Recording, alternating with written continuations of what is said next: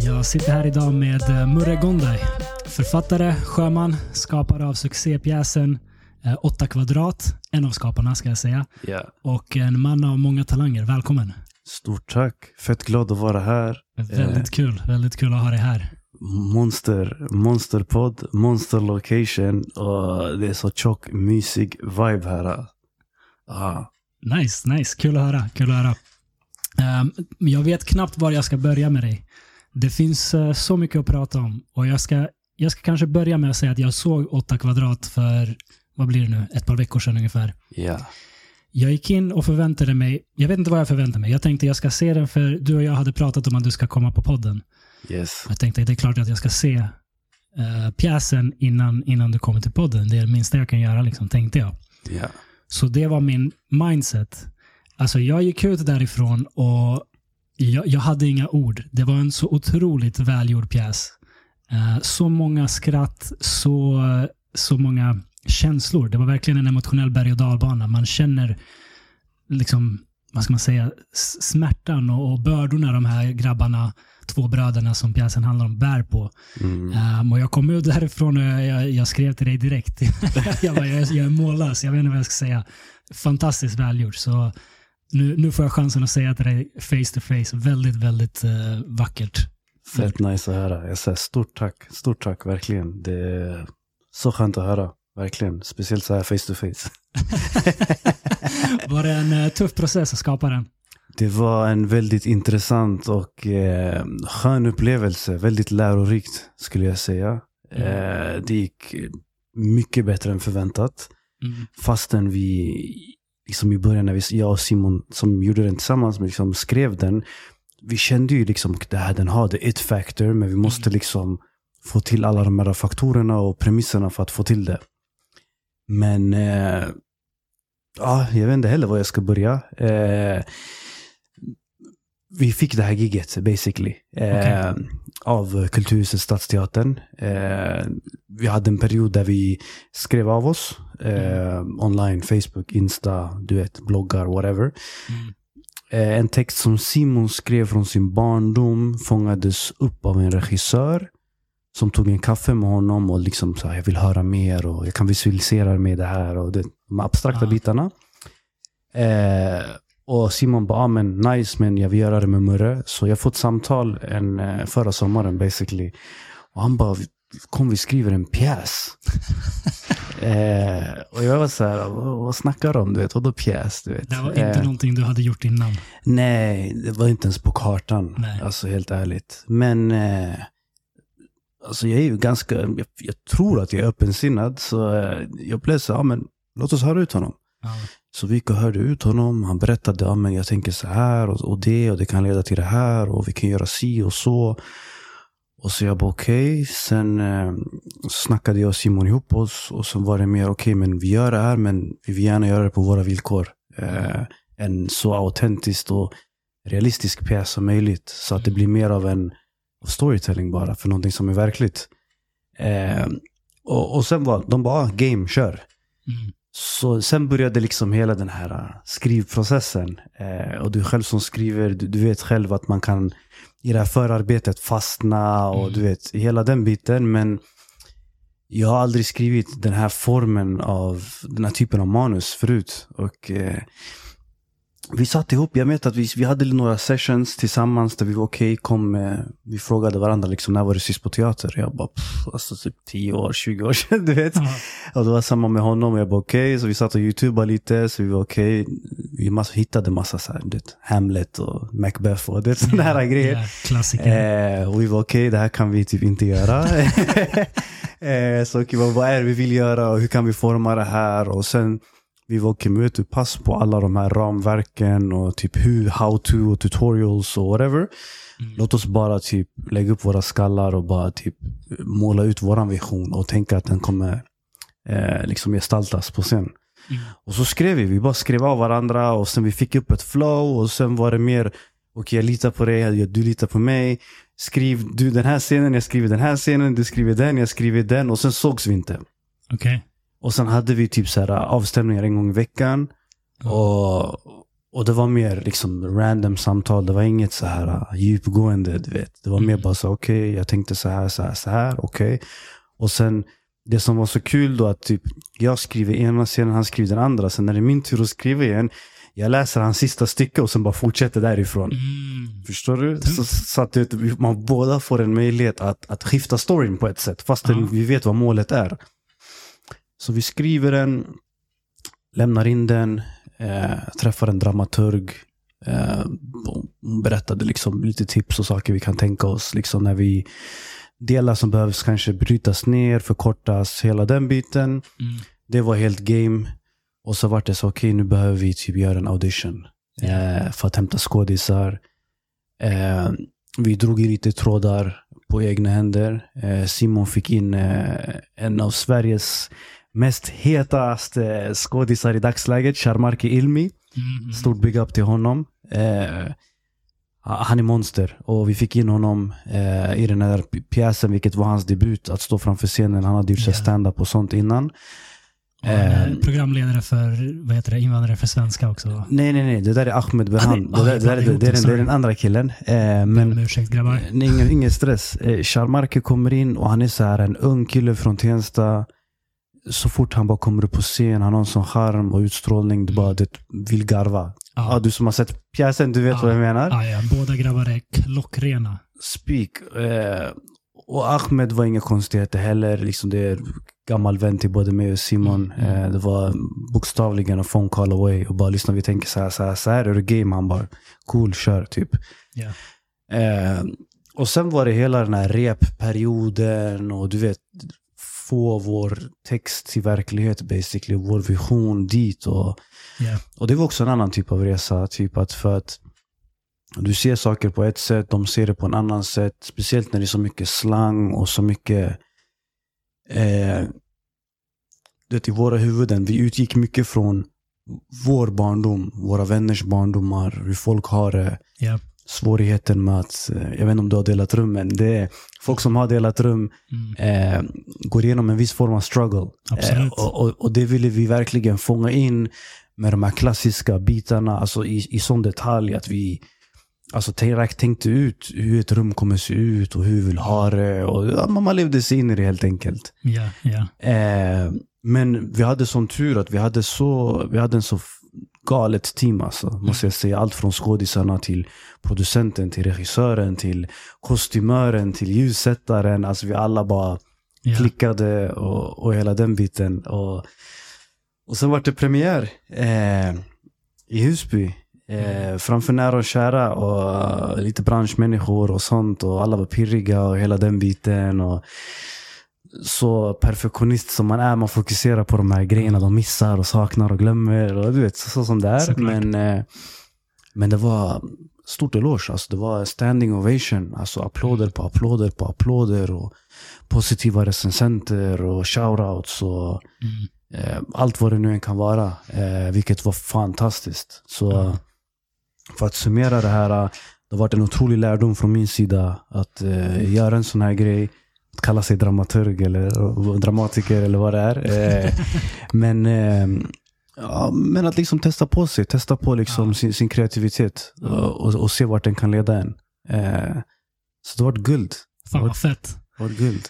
För de som inte har sett den, den här pjäsen heter alltså 8 kvadrat och handlar om två bröder som delar rum och växer upp tillsammans. Och eh, Farsan är borta, så storebrorsan behöver ta hand om lillebrorsan och, och sådär. Och det, ja, det, är- det är mycket humor, det är mycket kärlek, det är mycket känslor som sagt. Ehm, du nämnde en intressant grej där, att ni skrev varsin scen och du såg vad, vad Simon skrivit som sista Ja. ehm, line eller vad det nu blir Mm. och så fortsatte du på det. Ja. Är det någonting ni, är det en metod ni såg någonstans eller kom ni på det själva att så här kan man göra? För det är ett väldigt intressant sätt att jobba på. vi, i- innan vi kom till det här stadiet, vi hade gjort en genomgång tillsammans. Okej, det här är början, det här är slut, här är klimax, här är resolution, här är det, Mm, här är mm. det. Så vi fick in hela den här story-grejen tillsammans. Eh, och liksom var överens om det. sen att måla upp en scen eh, Eftersom jag och Simon, vi känner, vi går way back. Eh, alltså jag kände, han lärde känna när jag var typ 9-10 år. Så vi har samma form av tänk, samma humor, det är samma intressen, hela den biten. Så jag litar på honom. Ja. Och, och, och när vi liksom delade upp det på det här sättet, jag tyckte bara att det blev roligare på ett Ja, sätt. ja. För då fick jag lägga in min touch, han fick lägga in sin touch. Ja. Och, och det roliga är att just i pjäsen 8 kvadrat så är ena storebrorsan och lillebrorsan. Och i både min och Simons familjer är han storebrorsan och jag är lillebrorsan. Mm, Okej. Så, så ibland skrev han storebrorsan, ibland skrev jag lillebrorsan och vice versa. Och, och då det som var så kul att jag fick se hans perspektiv kring saker och han fick se mitt perspektiv kring Ja, saker. ja. Du vet, hur, hur är det att vara lillebror? Hur är det att vara storebror? Mm. Vilken press är det? Och blir man spoilad som lillebror? Etc. etc. Och vi fick in alla de här egenskaperna liksom i vårt skrivande. Eh, så, så det var bara kul, du vet. Mm. Eh, sen blir det ju lite, man försöker toppa varandra och okej, han la in ett skönt skämt här, jag ska försöka lägga in en skön metafor här, etc. etc. Så det Så det blir lite tävling också när man gör sådär, eller? eh, inte tävling jag skulle säga, men mer att typ hålla, hålla samma röda tråd. Ja, ja. Eh, Man sporrar varandra lite. precis. Mm. Eh, ja, det var lite så. Men det var väldigt så här, du vet, från utkast till färdigt manus. Det var inte så mycket vi redigerade faktiskt. Okej. Så det, och, och det var det som jag tyckte var så nice. För att oftast utkastet är när du är, är inspirerad, är i ditt momentum och kör. Och sen ibland när du redigerar så oftast övertänker man ju för mycket. Ah, Mm. Funkar det här? Funkar det inte? Det här är bättre. Det här, så här säger man inte. Det här är Ja. talspråk. Det här är, du vet, så man, man övertänker saker och ting. Och min, ur min erfarenhet blir det oftast fel då. Oftast utkastet för mig är legit. Ja.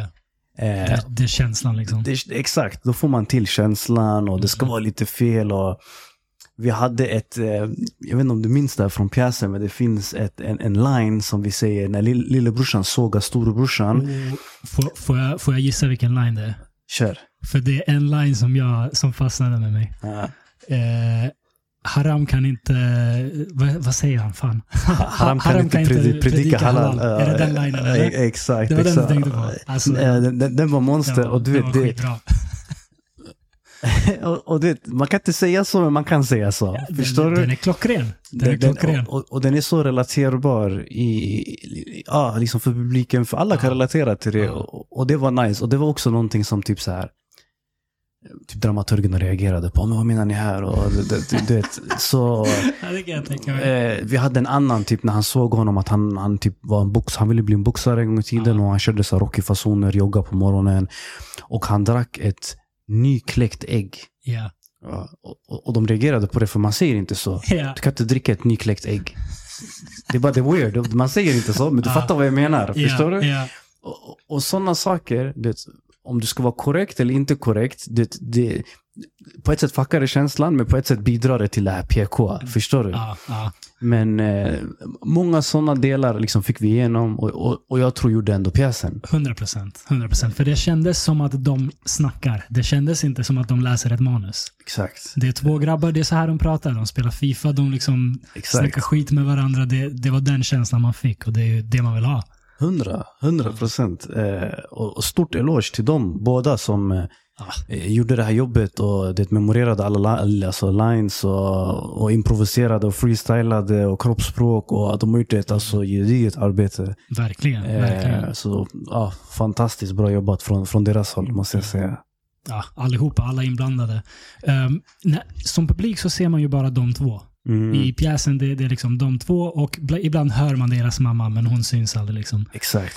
Men hur många är involverade i att skapa en sån här pjäs? Du nämnde producent, du nämnde ljud. Hur, Eh, många är involverade? Jag skulle säga att det är typ 26 man. Oh, Alltså, okej, kvinnor också, men du fattar, det är 26, 26 pers.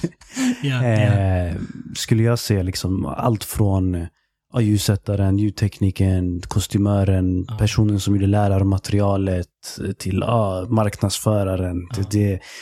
Så, så det är, eh, det är många, många personer faktiskt bakom den. Man tror inte det, men, eh, men det är det. Ja. Nej, det är ju det som är så coolt för att det ser så enkelt ut. Hundra, hundra Två procent. grabbar, en väldigt enkel scen. De liksom snurrar runt den för att byta miljö eller vad man ska säga. Exakt. Eh, Det ser så enkelt ut. Det ser så liksom clean ut. Och det är ju Fett. char- charmen i det liksom. Spikat. Eh, och en liten trivia också. Den, Ja. den, liten scenen som, den scenen som de satt på, den är åtta kvadrat. Mm. Så den är utmätt och liksom klart. Ja, ja. För, att, för du vet, vi kallar ju den, kallar ju den cellen. För. Grabbarna de säger att de sitter inne. Ja. Och vi tänkte, ah, en cell den är ju säkert åtta kvadrat. Och du vet, så, det känns så litet och så. Sen typ, när de hade byggt scenen och allt, så vi var, "Ey, vi- har vi kollat upp det här? Du vet. Ja. så vi gjorde vår research, kollade upp så häktesceller och grejer. De var tydligen 12 kvadrat, du vet. Mm, ännu större. Så det var så uh, fuck it, vi kör 8 kvadrat ändå, du vet. så det var ganska Ja, kul det, faktiskt. Det, det, det låter jävligt bra, 8 kvadrat. Helt Ja, rätt. 100 procent. Ehm, om, vi, om vi backar bandet till, till din, eh, din barndom, din uppväxt. Ja. Hur mycket av 8 kvadrat fanns i den? Eh, Liksom, hur, hur var din uppväxt? Eh, mycket skulle jag säga från det där. Skillnaden är ju att jag, jag har tre stora bröder. Ja. Så det var lite mer dynamik skulle jag säga än pjäsen. Eh, men eh, jag skulle säga att det speglade mycket, mycket liksom av sakerna, inte bara från min barndom, från liksom vänners barndom och sånt, sånt man kan relatera till. Och du vet, Mm. komma hem och du vet, kommer gäster, man pallar inte gå och hälsa och fastnar i sin Playstation och en pausar, en ska på toa, man fortsätter köra ändå. Ja, ja, ja. Tjafs om kläder. Ja, det, det är en struggle. Det, är- det är verkligen en struggle. 100%. Men, eh, men det är bara... Helt ärligt, om jag ska vara helt genuin. När jag var liten och delade, jag delade rum tills jag blev alltså, äldre tonåring. Ja. Eh, jag hatade det. Mm. Du vet, hela det här att man inte får sin privacy och, hela den biten. Men nu i äldre dagar, jag eh, tycker det är det bästa jag varit igenom. Mm. Just att man, eh, jag kommer så nära min storebror som jag delade rum som är närmast mig. Eh, vi har fått ett helt typ av annat band alltså. Mm. Jag är typ mycket närmare honom än mina andra bröder på, på ett konstigt sätt. Ja. Men det är för att man, man vet hur varandra, hur varandra är, vad man tänker och reaktioner och du vet vad man blir arg på, vad man går igång på. Mm. Eh, hela den biten. Så det är en privilege, Mm. skulle jag säga. Eh, och det var också någonting som vi ville belysa med eh, pjäsen. Att hela den här eh, debatten om tätbebyggdhet och att folk Ja. bor i små ställen. Det är negativ charm och aura runt det, förstår du? Mm. Mm. Men det tycker inte jag. Ja, det finns ljusglimtar med det också såklart. Hundra procent. Alltså det, det kom från ort till hem, du vet. Föräldrarna, det fanns inte knacka dörrar. De gick in bara, du vet. Och, du vet det var ju Ja. mer en sån här äh, familjär, du vet. Mycket kultur och hela den biten. eh, och, och, och den tycker jag lever sig vidare. Mm. Eh, Om, om jag får flera barn idag kommer jag definitivt låta dem dela rum. Även om Mm. jag har möjlighet att ge dem varsitt rum, varsitt lekrum, hela det här. Ja. Jag tycker det är en, en speciell charm kring det. Kommer de få mer än 8 kvadrat eller? Eh, jag vet faktiskt, det beror på. det beror på faktiskt. De får jobba sig upp till det. Ja, hur situationen ser ut längre fram. Men om det behövs, kör. Om det behövs sex kvadrat, kör också. Jag svär. Det går. Ja, ja, jag svär. Kärlek ska inte mätas i de här materiella grejerna. Sanning. Mm. Ehm, var, i, var är du uppväxt? Jag är eh, egentligen uppväxt i Tensta Mm. tills jag blev tio bast. Och sen flyttade jag till Husby. Och sen är jag uppväxt där. All right. Hur, hur var det i Tensta? Hur var det i Husby? Eh, uff, det här var glory days, 90-talet i Tensta. Det här Mm. var när barnen kunde gå och leka i gårdarna och morsan skrek från balkongen att man ska springa hem och duscha och inte kunna gå ut sen. Och, alltså jag har bara så fina minnen från Ja. min barndom och mångkulturellt och föreningsliv och ja, det, det är så mycket fint att säga. Ja. Vad, Verkligen. vad för föreningsliv? Det I min gård, jag bodde i ett ställe som heter Gullingeplan. Mm. Det fanns en förening som heter Verdandi. Som, eh, jag tror till och med att de är starka där än idag. Jag vet, jag har inte så mycket koll. Men på den tiden, alltså vi gjorde så mycket aktiviteter. Allt från så badhus, Gröna Lund, Mm. fiska. Du vet, saker som ens föräldrar kanske inte hade möjlighet att göra. Eh, kunde man ha möjlighet till det, eh, skulle jag säga. Typ kampa och du vet, sådana saker. Mm. Eh, och spela badminton. Du vet, när du är Mm. åtta bast, du vet vad badminton är. Eh, du kommer dit stå och säger okej, vad ska jag göra nu? Men eh, man, ja, jag, jag har bara så mycket gott att säga ja, om min barndom, måste jag säga. Gick du kanske i Gullingeskolan? Faktiskt, jag gick i Enbacksskolan. Okej. Eh, inte i Gullingeskolan, så det var lite längre walk. Ja. Men eh, jag hade vänner som gick i Gullingeskolan och jag spelade basket i Gullingeskolans Okej. eh, bas, eh, gymnastiksal. Eh, Ja, min mamma har jobbat där i många år. är det så? Ja, nice. Fett nice. Hon har säkert eh, Säkert stött på varandra någon stött på eller liksom varit lärare till eh, eh, personer man känner till. Spikat. Eh, tänker jag. spikat. Ah, Ja. en guldställe. Okej, så du fick testa på lite olika aktiviteter. Var det någonting som fastnade? Hade du några, liksom, någon sport du höll på med mycket under din barndom eller någonting? Nej, jag skulle säga att jag testade väldigt mycket. Jag är så än idag. Alltså. Testa på så mycket som möjligt, men jag fastnade aldrig för någonting. Då var jag liksom fot- klassiskarna, fotboll, basket. Friidrott körde jag också. Jag ville vara bra på fotboll, men jag, aldrig, jag har ingen noll bollkänsla. Alltså. Och typ det, det var när man spelade boll på gården, ingen valde mig i sitt lag. Du vet. det var till, till och med på den nivån. Eh, så ja, det har typ följt med mig nu i större delen av eh, tiden, måste jag säga. Okej. Var, var skrivandet med tidigt eller upptäckte du det på senare dagar? Skrivandet kom lite senare skulle jag säga. Typ någonstans runt högstadiet. Okej. 15, 16 där någonstans. Ja. Hur började det? Eh, dels att på sko- i skolan jag var tvungen att skriva stories och saker. Så här, eh, inte så att du ska läsa den här och skriva en analys. Det var jag kaos på. Men Mm. allt som hade med direkt fantasi, kreativitet. Jag var Ja. monster alltså. Monster. Jag skrev sidor alltså. Bam, bam, bam, bam. Eh, och sen eh, någonstans där. Eh, jag fick mobiltelefon ganska sent. Mm. Typ 16 bast. Ja, jag, minns, jag minns många fick det tidigare att spela Snake i luren och Ja, det hela det här. Men jag ville inte ha lur för jag tänkte jag pallar inte. Föräldrarna kommer ringa ens jag kommer hem. Det hela det här. det. Så jag brukade, alltså, jag kommer ihåg telefonkort. Ja, ja, Jag körde mycket telefonkort. Jag hade en lapp med typ så viktiga nummer. ja. Så jag körde det väldigt länge. Sen man ringde från vänner och sånt. Och du vet, man kunde ringa från hemtelefoner och det, hela den biten. Men hur som helst, när jag fick telefon.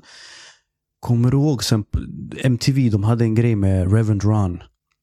Det låter bekant, men jag kommer inte ihåg Eh, han hade en reality show med hans familj. Hur som helst. Så det han gjorde. Ah, just det, nu är jag med. Ah, ah, Så Reverend han, Run, ja. Reverend han brukade alltid sitta i, i slutet av, av serien, han satt i sitt badkar och han skrev typ så här motivations-sms typ till sina nära och kära. Och de filmade alltid det. Och Han det satt i sitt badkar och skrev motivations-sms. Exakt, så inspirations-sms.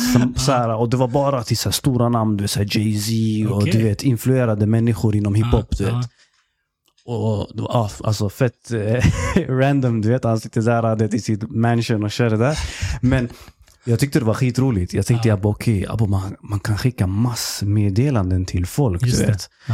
Så jag började skriva massa sms till mina vänner, bara roliga grejer. ja, fett. Eh, som fick dem att garva. Så, ah, du är sjuk, du vet. Så här, random bara grejer som jag kom på. Eller drivningar, eller teasningar, eller riddles. Eller du vet.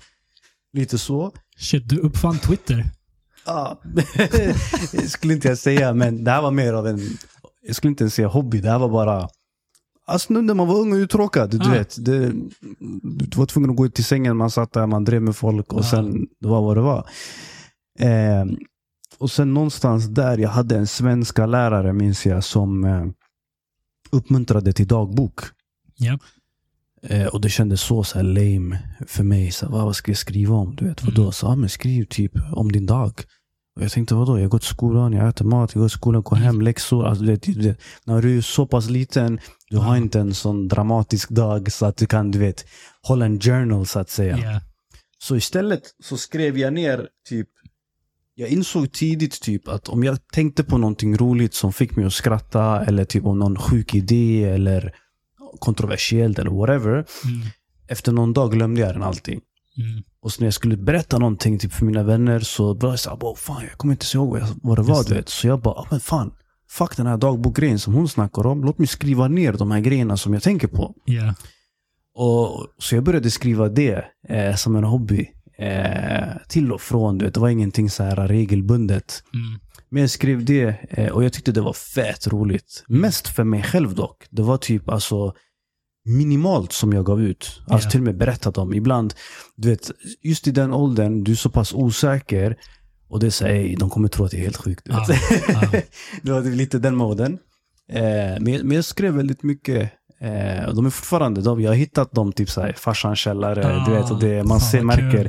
Hur handstilen var först och främst. Du vet, Ah. flygande bokstäver och vet, hela den biten. Men, eh, men det var typ så det började. Och sen Ah. någonstans, du vet, man blev lite äldre. Typ gymnasiet, tappade jag det där. Okej. Eh, ja, du vet, det blev mycket så här annat som intresserade en. Du vet, träning, hemmafester, tjejer, ja, ja. whatever. Du vet, vad än som eh, var aktuellt då. Eh, så då tappade jag det, helt ärligt. Sen, Ja. sen kom den tillbaka lite mer i, i vuxen åldern. Mm. Fan, jag känner igen mig så mycket i det där du säger när man börjar skriva, men man typ skäms lite för det. Ja. Jag, jag startade en blogg, nu var det här senare än vad du gjorde, men, men typ när jag var 19-20. Ja. Humorblogg. Mm. Och det var också så här de sjukaste grejerna jag kunde tänka på. Men jag vågade inte göra det under eget namn. Det var verkligen så här, ah, några få visste vem, va, va, att det var jag som skrev, men de Ja. flesta hade ingen aning om vem det var. Ehm, men när man sen får folk som kommer och säger fan det där är så jävla roligt, fortsätt liksom. Ah. Folk som hypar en. Hundra. Det, det gör så mycket. Då, då vågar man liksom exponera sig på ett annat sätt. Spikat. Eh, håller med dig där. Jag vill också ge en, en, en fet shoutout till en kille. Eh, Meron Mangasha. okej. Eh, galen kille. Poet, eh, skribent, eh, regissör numera. Han gör lite mycket grejer, men han, han, är, han var, det är en kille, uppväxt i Tensta, eh, bra vän med min storebrorsa. Han hade en blogg eh, som hette, som hette Miseria Magnifique Mhm. eh, back in the days. Och han bloggade. Ja. Och tunga grejer. Alltså han skrev tankar, poesi. Eh, ibland typ kunde han eh, skriva så lyrics från sköna raptexter Mm. och hiphop grejer, R&B och sen typ så här eh, decipher dem. Förstår du vad jag menar? Han kunde Ja. skriva om texterna och du vet vad han menar och kopplingar och sånt. Och den var galen. Tungt. Och jag reach out till honom typ och jag var bebek. Alltså jag var typ 17, typ så här, 16, 17. Aha. Eh, och jag bara, fan vad tung du är, du vet, som gör det här. Och han bara, om du vill, kom och skriv. Mm. Så jag hoppade in som gäst eh, hos honom. Fett. Eh, Ha, kände han till att du redan skriver då eller? Nej, nada. Han trodde mest det var på skoj. Jag bara, Okej. ey, jag kommer, om, om jag får jag kommer köra, du vet. Han Ja. bara, kör. Han bara, mejla mig, jag lägger upp det på bloggen, du vet. Tungt. Så jag gästbloggade åt honom ett tag, men sen Sen blev det, du vet, man var ung, man ville hävda sig och du Ja, vet, ja. så jag gick loss. Jag började köra över andras bloggar och skapa beefs och du vet, hela den biten. Som man Eh, gör. Men, eh, men det var en fett kul eh, upplevelse för mig och bara så här, för att för han hade läsare. Han hade ändå ganska många läsare. Alltså vänskapskretsar, folk utanför Ja. etc. För han var ändå mycket äldre än mig. Eh, och då blev det så här, ey, folk läste det jag skriver, du vet. Alltså även om det var typ så här 40-50 pers, det för mig det var värsta grejen. Ja. Eh, så det var fett kul. Och, och det fick ändå en att tänka, ey, det här, det, det går, jag skulle kunna göra en själv. Men tog aldrig det klivet skulle jag säga just då. Mm. Eh, faktiskt. När förstod du att du är bra på att skriva? Eh, jag skulle säga typ någonstans där, typ vid 20 års ålder någonstans. Vi var några Husbygrabbar Ja. som eh, hade en grupp som hette Krabban. Eh, och och vi, vi körde hiphop, vi, vi rappade och sånt liksom. Eh, Ja. Vi var ganska många sköna grabbar som det, det var tog i en fritidsgård som eh, eh, ledde till att ah, de typ fick in pengar, de gjorde en studio. Mm. Och sen, sen hade vi en i personalen som kunde prodda. Ja. Så han gjorde beats och grejer. Och så sa han, han bara grabbar, kom in, häng med till studion. Du vet. Så han droppade feta beats och han bara, men gå in och spotta några rader. Så här. Sen vart det så stelt, alla stirrade på varandra. Du vet. Och sen, sen, sen gick folk in och gjorde sin grej. Och vissa hade innan eh, redan påbörjat hela den biten och det gjort egna grejer. Och så hoppade folk in. Det. Folk som kunde spotta, folk som inte kunde spotta. Du vet, det blev bara en sån här mashup. Wu-Tang Clan, du vet. Ja. Eh, mer eller mindre. Och jag var inte bra för fem öre, måste jag säga. Men eh, där någonstans insåg jag, jag bara, ey, du vet, du vet, det är fett kul det här. Ja. Och folk kom och sa så ey, det här är nice, du vet. Eh, fortsätt, typ, förstår du? Och där blev jag så här, det var typ, okej, det är svårt att typ jämföra skrivandet och att skriva en låt. Det är lite olika grejer. Mm. Men för mig var det ändå så här, "Abo, okej, det här det, det bevisar ändå att typ man kan flowa, man kan kasta in sköna metaforer som folk Ja. relaterar till. Eh, så det var typ där jag skulle säga som det blev så här, okej, det här är nice. Det är inte bara roligt, utan det är uppskattat. Ja. Tungt. Nej, jag frågar för att jag, det, det kom väldigt sent för mig. Ah, Jag hade ingen aning om att jag var bra på att skriva. Jag, jag gillade att skriva och Mm. visst, det fanns folk som uppskattade lite av grejerna jag skrev, men jag tänkte att det här är någonting alla kan göra. ja, Det var inte förrän uh, Asim, en gemensam vän till oss, ja, frågade mig, men kan du skriva för min, min startup, liksom Stixen, för hans Mm. kepsvarumärke, ja, eh, som jag insåg att så här, aha, är det här någonting jag är bra på? Liksom, jag hade ingen aning. mm. Och sen frågade hans bror mig om, om jag kan göra det och, och eh, ville till och med betala mig för det. Jag sa, betala mig? Va? Ja. För att skriva? Kan Ja. man ta betalt för att skriva? Jag hade ingen Ja. aning. Liksom. exakt.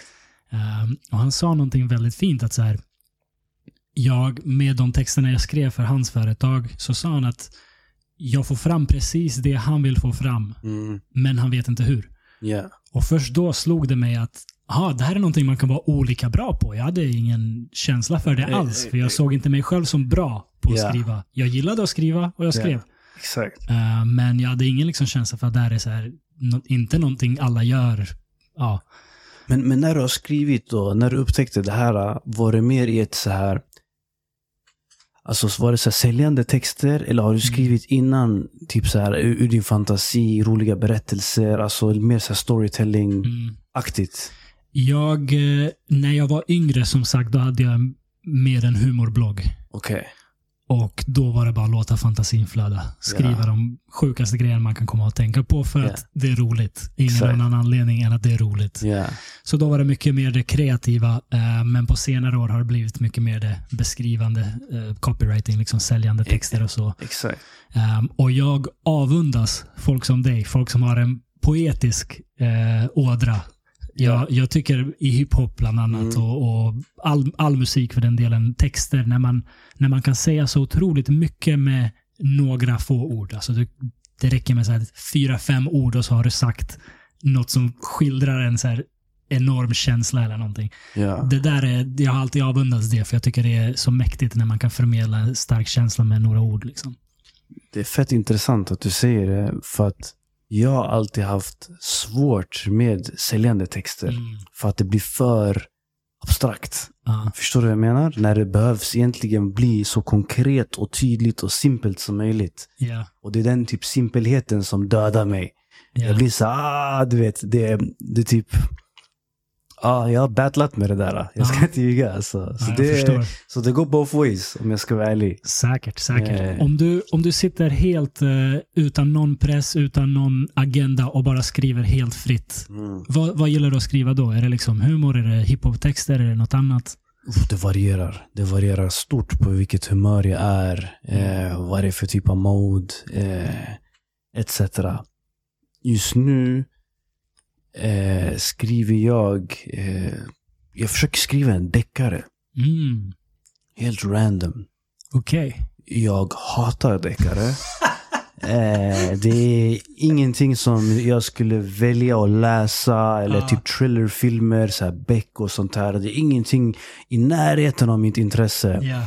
Men jag ser det mer som en challenge. Ja. Förstår du? Att skriva en text, lämna lite ledtrådar och låta läsaren figure it out. Förstår Ja. du? Ja.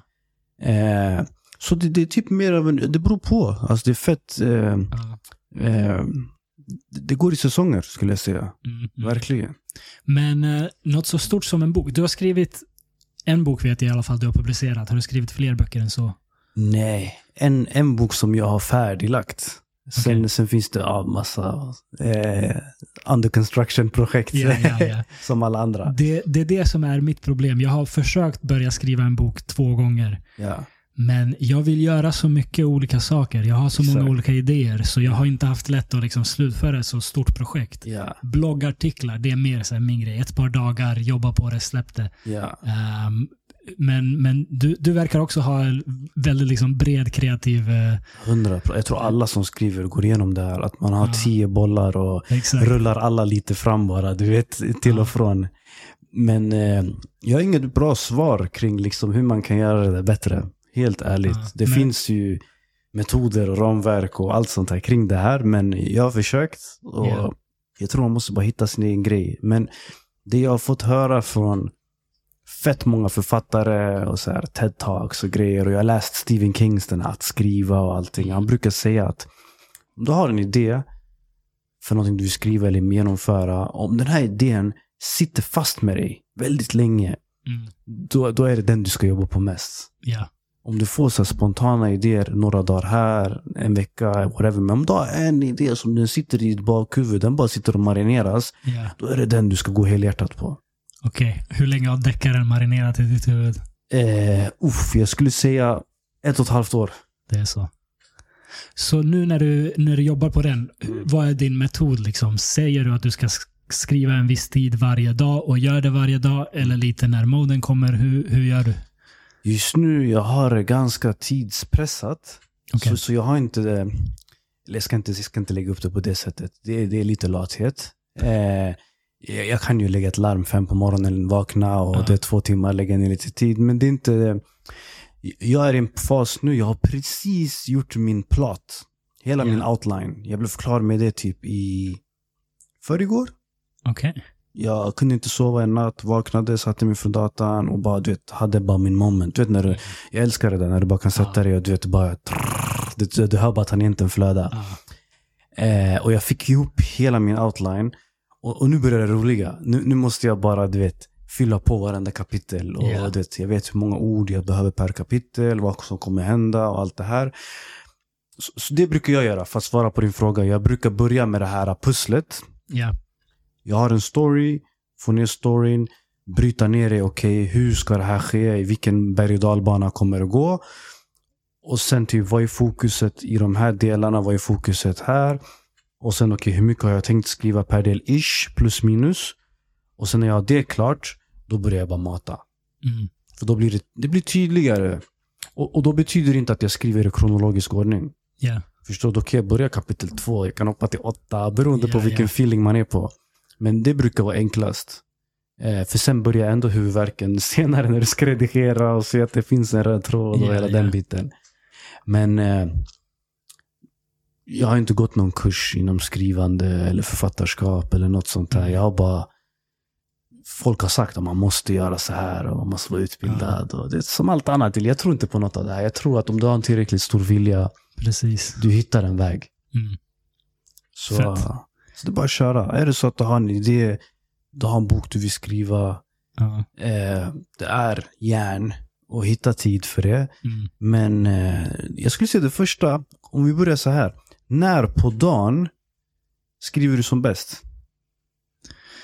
För min del, det är en bra fråga. Jag skulle tro förmiddag. Alltså när du har vaknat, kaffe tidigt. och sen du kör. Mm. Samma som mig. Mm. Jag skriver också som bäst från att jag har vaknat tills typ halvvägs fram till lunch. Ja. Det där är min golden hour. Ja. Eh, inte så bra på att skriva på nätterna och Nej. liksom den biten. Men ibland när man får feeling man kör. Men det intressanta är att de säger att det som skiljer amatörer från professionella är att amatörer skriver enbart när de får feeling. När Mm. inspirationen Mm. kommer. Men professionella kan alltid bara skriva. Ja. Och jag håller med det här till hundra. Men jag brukar aldrig begränsa mig från att skriva. Men jag brukar aldrig tvinga mig att skriva. Ja. Om jag hittar en slott på natten, jag kan skriva, men jag sätter mig där, jag bara stirrar och jag känner att ah, fuck det här. Mm. Eh, det känns inte genuint. För mig i alla fall. Mm. Mm. Eh, kan vara lathet, kan vara att inte jag är inspirerad, kan vara att lite jag vill spela Playstation, whatever. Mm. Men då kan jag skriva, men när jag skriver, jag, det känns aldrig så här bra. Ja. Ja. Förstår du? Man kan inte pressa fram kreativitet. Ja, Ja. hundra. Så länge man inte gör det till en vana att det är sådär varje dag, att jag är inte sugen. Men Ah, eh, alltså speciellt om du, i det här fallet, om när inte man har en deadline. Ja. Även jag kan ge mig själv en deadline, men det blir Ja. inte samma sak. Ja. Förstår du? Men om typ ett bokförlag säger att ja, du ska skriva ett manus klart till Ja. 23 juli. Du kommer känna den där pressen mot strupen du vet, och bara kötta. Och det är lite en annan femma. Men vissa människor är, är bra på att ge sig själva deadlines. Mm. Jag är inte bra på det. Ja. ja. ja. Jag gillar att bli klar med grejer. Ja. Ja, om jag har jobb att göra, om jag har liksom något copyuppdrag eller Mm. någonting sånt. Det spelar ingen roll om deadline är fem veckor bort. Mm. Jag vill göra det nu, Mm. så att jag sen kan chilla. Men, Det, men, det är min inställning. Liksom. men det är skillnad på du vet, jobb som du vet, okej det här kommer jag få pengar för. Kontra typ egna projekt. Mm. Förstår du? Är du samma sak där också? Typ om du har ett eget projekt, Ja. kan du ge dig så här, jag måste bli klar, jag måste bli klar. Inte att jag känner att jag måste bli klar, utan att jag känner att jag vill bli klar. Mm. Ehm, det är det jag menar med att skriva bok. Jag har inte lyckats. Jag har påbörjat två böcker, men Ja. inte lyckats för att det är för långt till att bli klar. Jag, Ja. jag gillar att skriva en artikel eller spela in ett poddavsnitt eller whatever, så är man klar. Liksom. Det, den, den känslan vill jag åt. Mm. Ehm, och därför har kortare, kortare projekt varit mer eh, aktuella för min del. Men det är kanske bara att jag inte hittat rätt arbetssätt för längre projekt. Det, det finns säkert sätt att dela upp ett längre projekt i, i liksom, målstolpar så att Mm. man har, får den känslan ändå. Ja, 100 procent. Ehm, men det är, där, det är där det har varit för mig. Att jag, jag liksom Men jag tror- att av. Jag tror det är mänskligt också. Vi, vi, vi söker ju, speciellt i dagens samhälle, lite mer av en omedelbar tillfredsställelse. Förstår du? Att du ska ha den disciplinen och hålla för ett långt mål, den är svår. Det är det. Det, det, det, är det är inte bara i skrivande, det är, det är träning, om du vill ha din beachbody eller Ja. whatever, eller ska starta en startup. Du vet, jag tror att det är någonting som är, ändå som präglas nu på senare tid. Att Ja, den ja. är väldigt svår att se det här målet som är, du vet, ett år framåt. Ja, definitivt. Eh, läser du mycket? Läser du många böcker? Jag läser, faktiskt. Känner du, på tal om det här med liksom vår TikTok-generation eller TikTok-tiden vi är i nu, att, att det blir svårare att läsa längre stunder? Eh, ja, det skulle jag säga. Eh, men det beror på lite. Jag, jag läser ju på ett annat sätt nu. Förut kunde jag spendera en, jag kunde se fram emot en eftermiddag Ja. bara läsa. Du vet, så, den, här, den här lördags eftermiddagen. Jag ska sätta mig i soffan, jag ska läsa i fem Ja. timmar. Det sker inte idag. Det gör, jag läser, jag som vana nu. Förut brukade jag lägga mig i sängen och det var inne i luren en halvtimme eller sådär. Mm. Och jag har bytt ut den tiden mot att läsa. Ja. Och det funkar fett bra. Ja, För då det känns som att jag får kunskap och eh, liksom inte får skärmtid precis innan jag ska sova. Plus Ja. att jag stimulerar hjärnan lite grann innan jag sover. Mm. Och, men, men däremot sker det att jag kan fastna för en bok Mm. och sen bara det, jag sitter där och klockan är halv tre och jag tänker ej du vet, vad händer? Jag ska upp om några timmar. ja. Eh, så, så det har skett. Så nu senaste typ, jag skulle säga två åren, jag läser bara typ på nattetid. Okej. Vad... Ja. Ja, ibland på morgonen också i kaffe. Beroende på det, om jag ja. Sovmorgon och sånt. En lugn dag. Ja. Vad, vad gillar du att läsa? Jag läser eh, väldigt mycket non-fiction. Eh, mycket biografier, händelser, historia. Eh, en, en del self-help-böcker. Eh, mest fått såga dem. Eh, eh, men det är alltid kul, du vet, att att höra de här nya influencers Ja. Säga så gör så här så blir du, du vet, får den perfekta livsstilen. Och du vet, ja. det, det, det. Men, men det som är fett intressant är att jag har suttit och tänkt på det här själv. Jag brukar läsa, jag, brukar, jag har en sån här Kindle hemma. Ja. Du vet vad det är? En sån här, läsplatta. Du vet, ah, det är tungare. Du, du fattar hela. Det är enklare, du köper böcker. Dunder. Du, vet, du slipper gå runt och du vet, mangla dina ögon och du vet, ha, massa, ha tre bokhyllor hemma. Exakt. Så det förenklar jättemycket. Men jag brukar, du vet, jag prenumererar på de här och, och, och, ser över saker. Jag vill ha de fetaste, nyaste böckerna. Ja. Och jag har läst bestsellers, Oprah bookshows grejerna och alla de här. Men jag märker att de, alla böcker som säljs de senaste åren, om det är i typ self-help syfte eller biografisyfte, oftast känns det som att folk skriver böcker för att sälja en annan produkt. Ja. If that makes sense. Mm, absolut. Du de har en bok och sen säljer de ett mentorsprogram. Eller de Ja. har en bok de säljer en eh, del av sitt bolag. Eller en weightlifting-grej. Eller en nutrition-grej. Eller whatever. Förstår du? Föreläser och grejer. Exakt. Så att det är mer än av en karriärsdrag. Mm. Du är en... eh, föreläsare eller du är en mentor. eller så. Du, du släpper en bok för att höja ditt varumärke. Så det är Ja. mer att du, du, du släpper en bok för att du vill sälja någonting. Liksom. Det är någon baktanke eller någon form av merförsäljning kopplat till det. Ja. Men om du läser böcker från way back, du vet, typ Napoleon Hill, du vet, exempelvis, du vet, Richest Man in Babylon och alla de här, du vet, gamla typen av self-help böckerna. Ja. Där är det genuin kunskap som bara, du vet, präglas ut. Ja. De skildrar bara, okej, jag har följt Henry Ford och alla de här stora männen. Jag har hittat det som är gemensamt för dem. Här är informationen och gör vad du vill med den, du vet. Mm. Medan, jag vet inte om du har lagt märke till det, men de här nya böckerna, de är så ah, men tänk på det här och här finns det fem rader, skriv ner de här grejerna. Ja. Som, du vet vad jag menar? Och, du, och någonstans där blir det så här, fan du vill bara sälja, du vet. Ja. Förstår du vad jag menar? Och, Jag är och, helt med dig. Alltså. och, och, det är fett tragiskt. Jag läser en bok just nu, eller jag kastade den precis igår kväll, jag blev så steg härifrån. Ja. Men eh, jag var inne på Instagram och eh, scrollade på så reels och jag hittade en kille klassiskt. Do you wanna live successfully? I've managed to do this and that. that, that, that. Jag bara okej, låt oss kolla på den här killen. Han har så här många följare. Kollade upp hans Wikipedia, sökte, han var en sån här Forbes 30 by 30. Du vet. Jag tänkte okej, det där också har blivit bluff i mina ögon. Vet. Ja. Men, men, men. Eh, så jag tänkte okej, han har de här utmärkelserna, han har den här auktoriteten. Okej, han har en bok, den heter 100 million offers. Mhm. Där han, han, eh, han, han har skrivit en bok kopplad till försäljning, alltså B2B-försäljning, business to business. Där han säger att du ska sälja saker så dyrt som möjligt. Okej. Och han argumenterar kring det i hela hans bok. Mhm. Vilket är skitintressant. För att oftast om du ska sälja en, eh, vi säger en energidricka. Mm.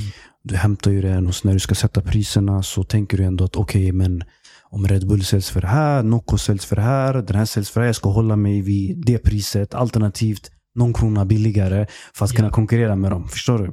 Ja. Men han är såhär, nej, ta tredubbla det priset. Okej. Och då blir det ändå så här, vad, vad menar du? Vem kommer köpa det? Så han, han lägger fram typ ett helt annat mindset kring hur du ska sälja de bitarna. Vilket är intressant, du vet kopplat till, du vet, den här. En iPhone exempelvis. Jag läste någonstans att de tillverkas i Indien nu för tiden. Då kostar de i snitt var det typ så här 69 dollar någonting att genomföra den. Alltså tillverka. att tillverka den. Mm. Och du vet själv priserna för mobiler idag. Ja, ja. Och, och- och, det ger ju det ändå en tanke kring, okej, de här storbolagen som tjänar mest, de och deras produkter har så här stora marginaler. ja. Medan små företagare som säljer, vi säger läsk exempelvis, kanske deras marginaler är väldigt små. Varför är det så? Ska man verkligen fortsätta i det spåret? Om man är en liten företagare, hur ska man kunna nå det här stor enterprise-modellen? Ja. Så han skriver om de grejerna, vilket var fett intressant. Tills han kom halvvägs in i boken och bara, ah, men gör så här och lägg upp en plan och ratea mig på Amazon. Och, Ah. det hela, och då blev jag så här stick, du vet. Ah. Eh, Jag vet inte om jag är en hatare, men det, Nej, jag är med dig. Jag är med dig. Jag, jag har svårt för självhjälpsböcker. Mm, Och jag har också stängt ner Mm. flera av dem. mm, I, inte ens halvvägs. Efter, efter ett par kapitel. Man bara, jag, jag pallar inte det här. Vem, ja. vem är du? Det blir lite sådär. Ja. Alltså för att man, men också jätteintressant. Betyder det då att vi hela tiden läser för att enbart vilja lära oss? Att, vi, att man läser för att, vill, att man vill få ut någonting enbart? Mm. Förstår du vad jag menar? Mm. Eller läser vi mer för att stimulera hjärnan och höra en bra story?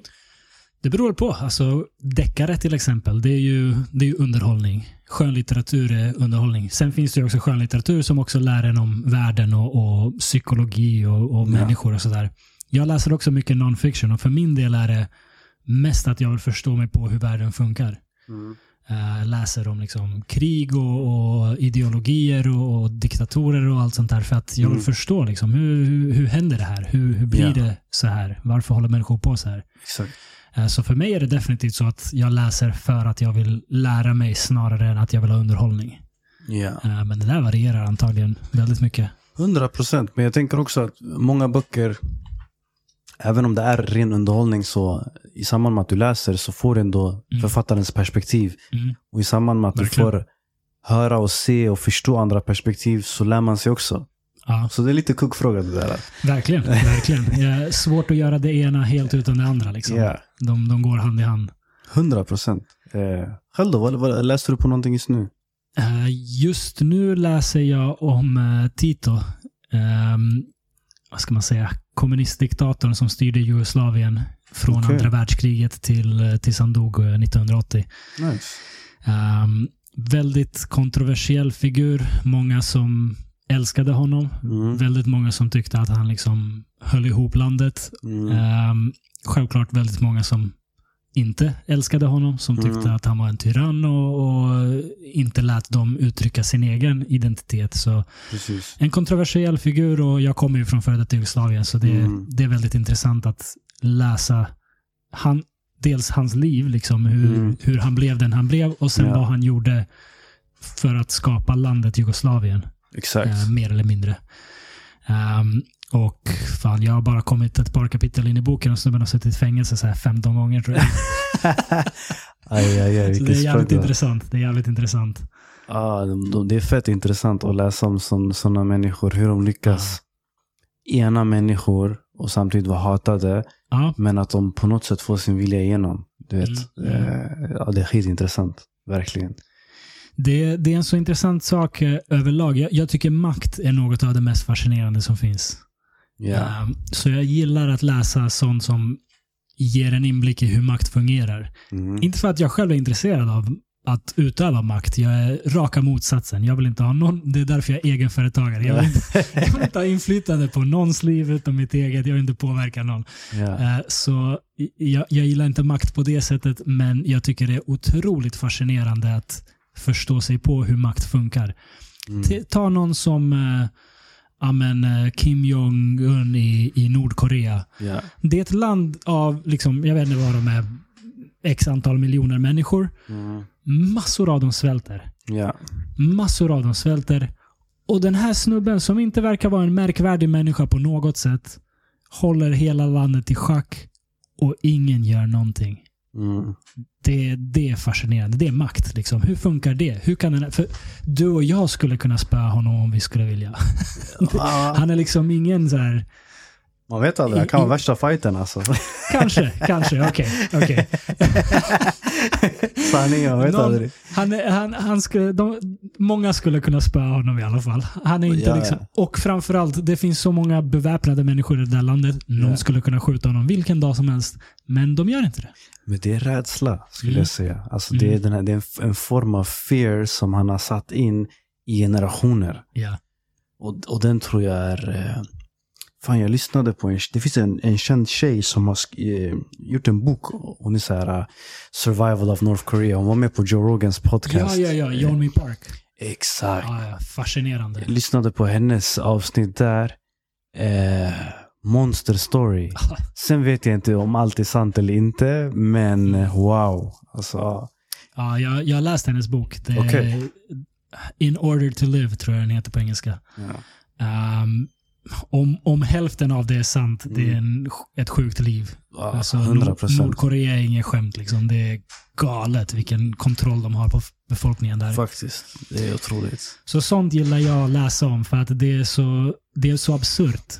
Mm. Det är så absurt att en man, nu är det ju inte så enkelt, det är ju folk runt omkring honom, men i princip en, en liksom gudafigur kan hålla miljontals människor i fångenskap Ja, och det bara fortsätter generation efter generation. spikat. Eh, vi är ett lustigt djur på det sättet, det här med, det här med makt. Det har funnits i flera år. Alltså i Oh generationer och... Men hur kommer det sig att du är, tar avstånd från makt? Alltså tänker du att ifall du hade makt, att det hade gått snett eller alltså att du hade mått dåligt av det? För jag tänker i människans natur, alla har ju ett ego. Ja, Alla vill på något sätt utöva sitt ego eller förhöja sitt ego på något sätt liksom. Och, och, Mm. och, makt ger ju resurserna och verktygen för det. ja. Tänker du att ifall du hade makt att du hade gått loss, alltså på ett negativt sätt? Eller liksom Mm. att du... För jag tänker när du berättade att du inte vill ha inflytande från någon. ja. Då det kom, jag tänker det är lite your way eller highway alltså. Det är kul att du frågar, för det är en specifik händelse Okej. som fick mig att inse vad makt innebär. Mm.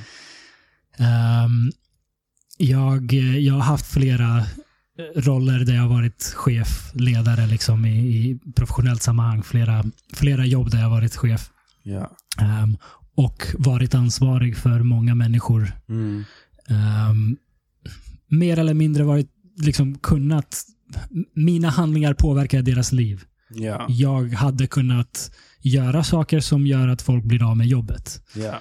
Ehm, eller tvärtom, att det går bra för folk. Mm. Det, det är vad makt är. Om, om man ska liksom bryta ner vad makt är, definitionen är i princip påverka den, som, den som har makt kan göra, ge sina vänner fördelar och ge sina fiender nackdelar. Ja. Det är ungefär vad makt är.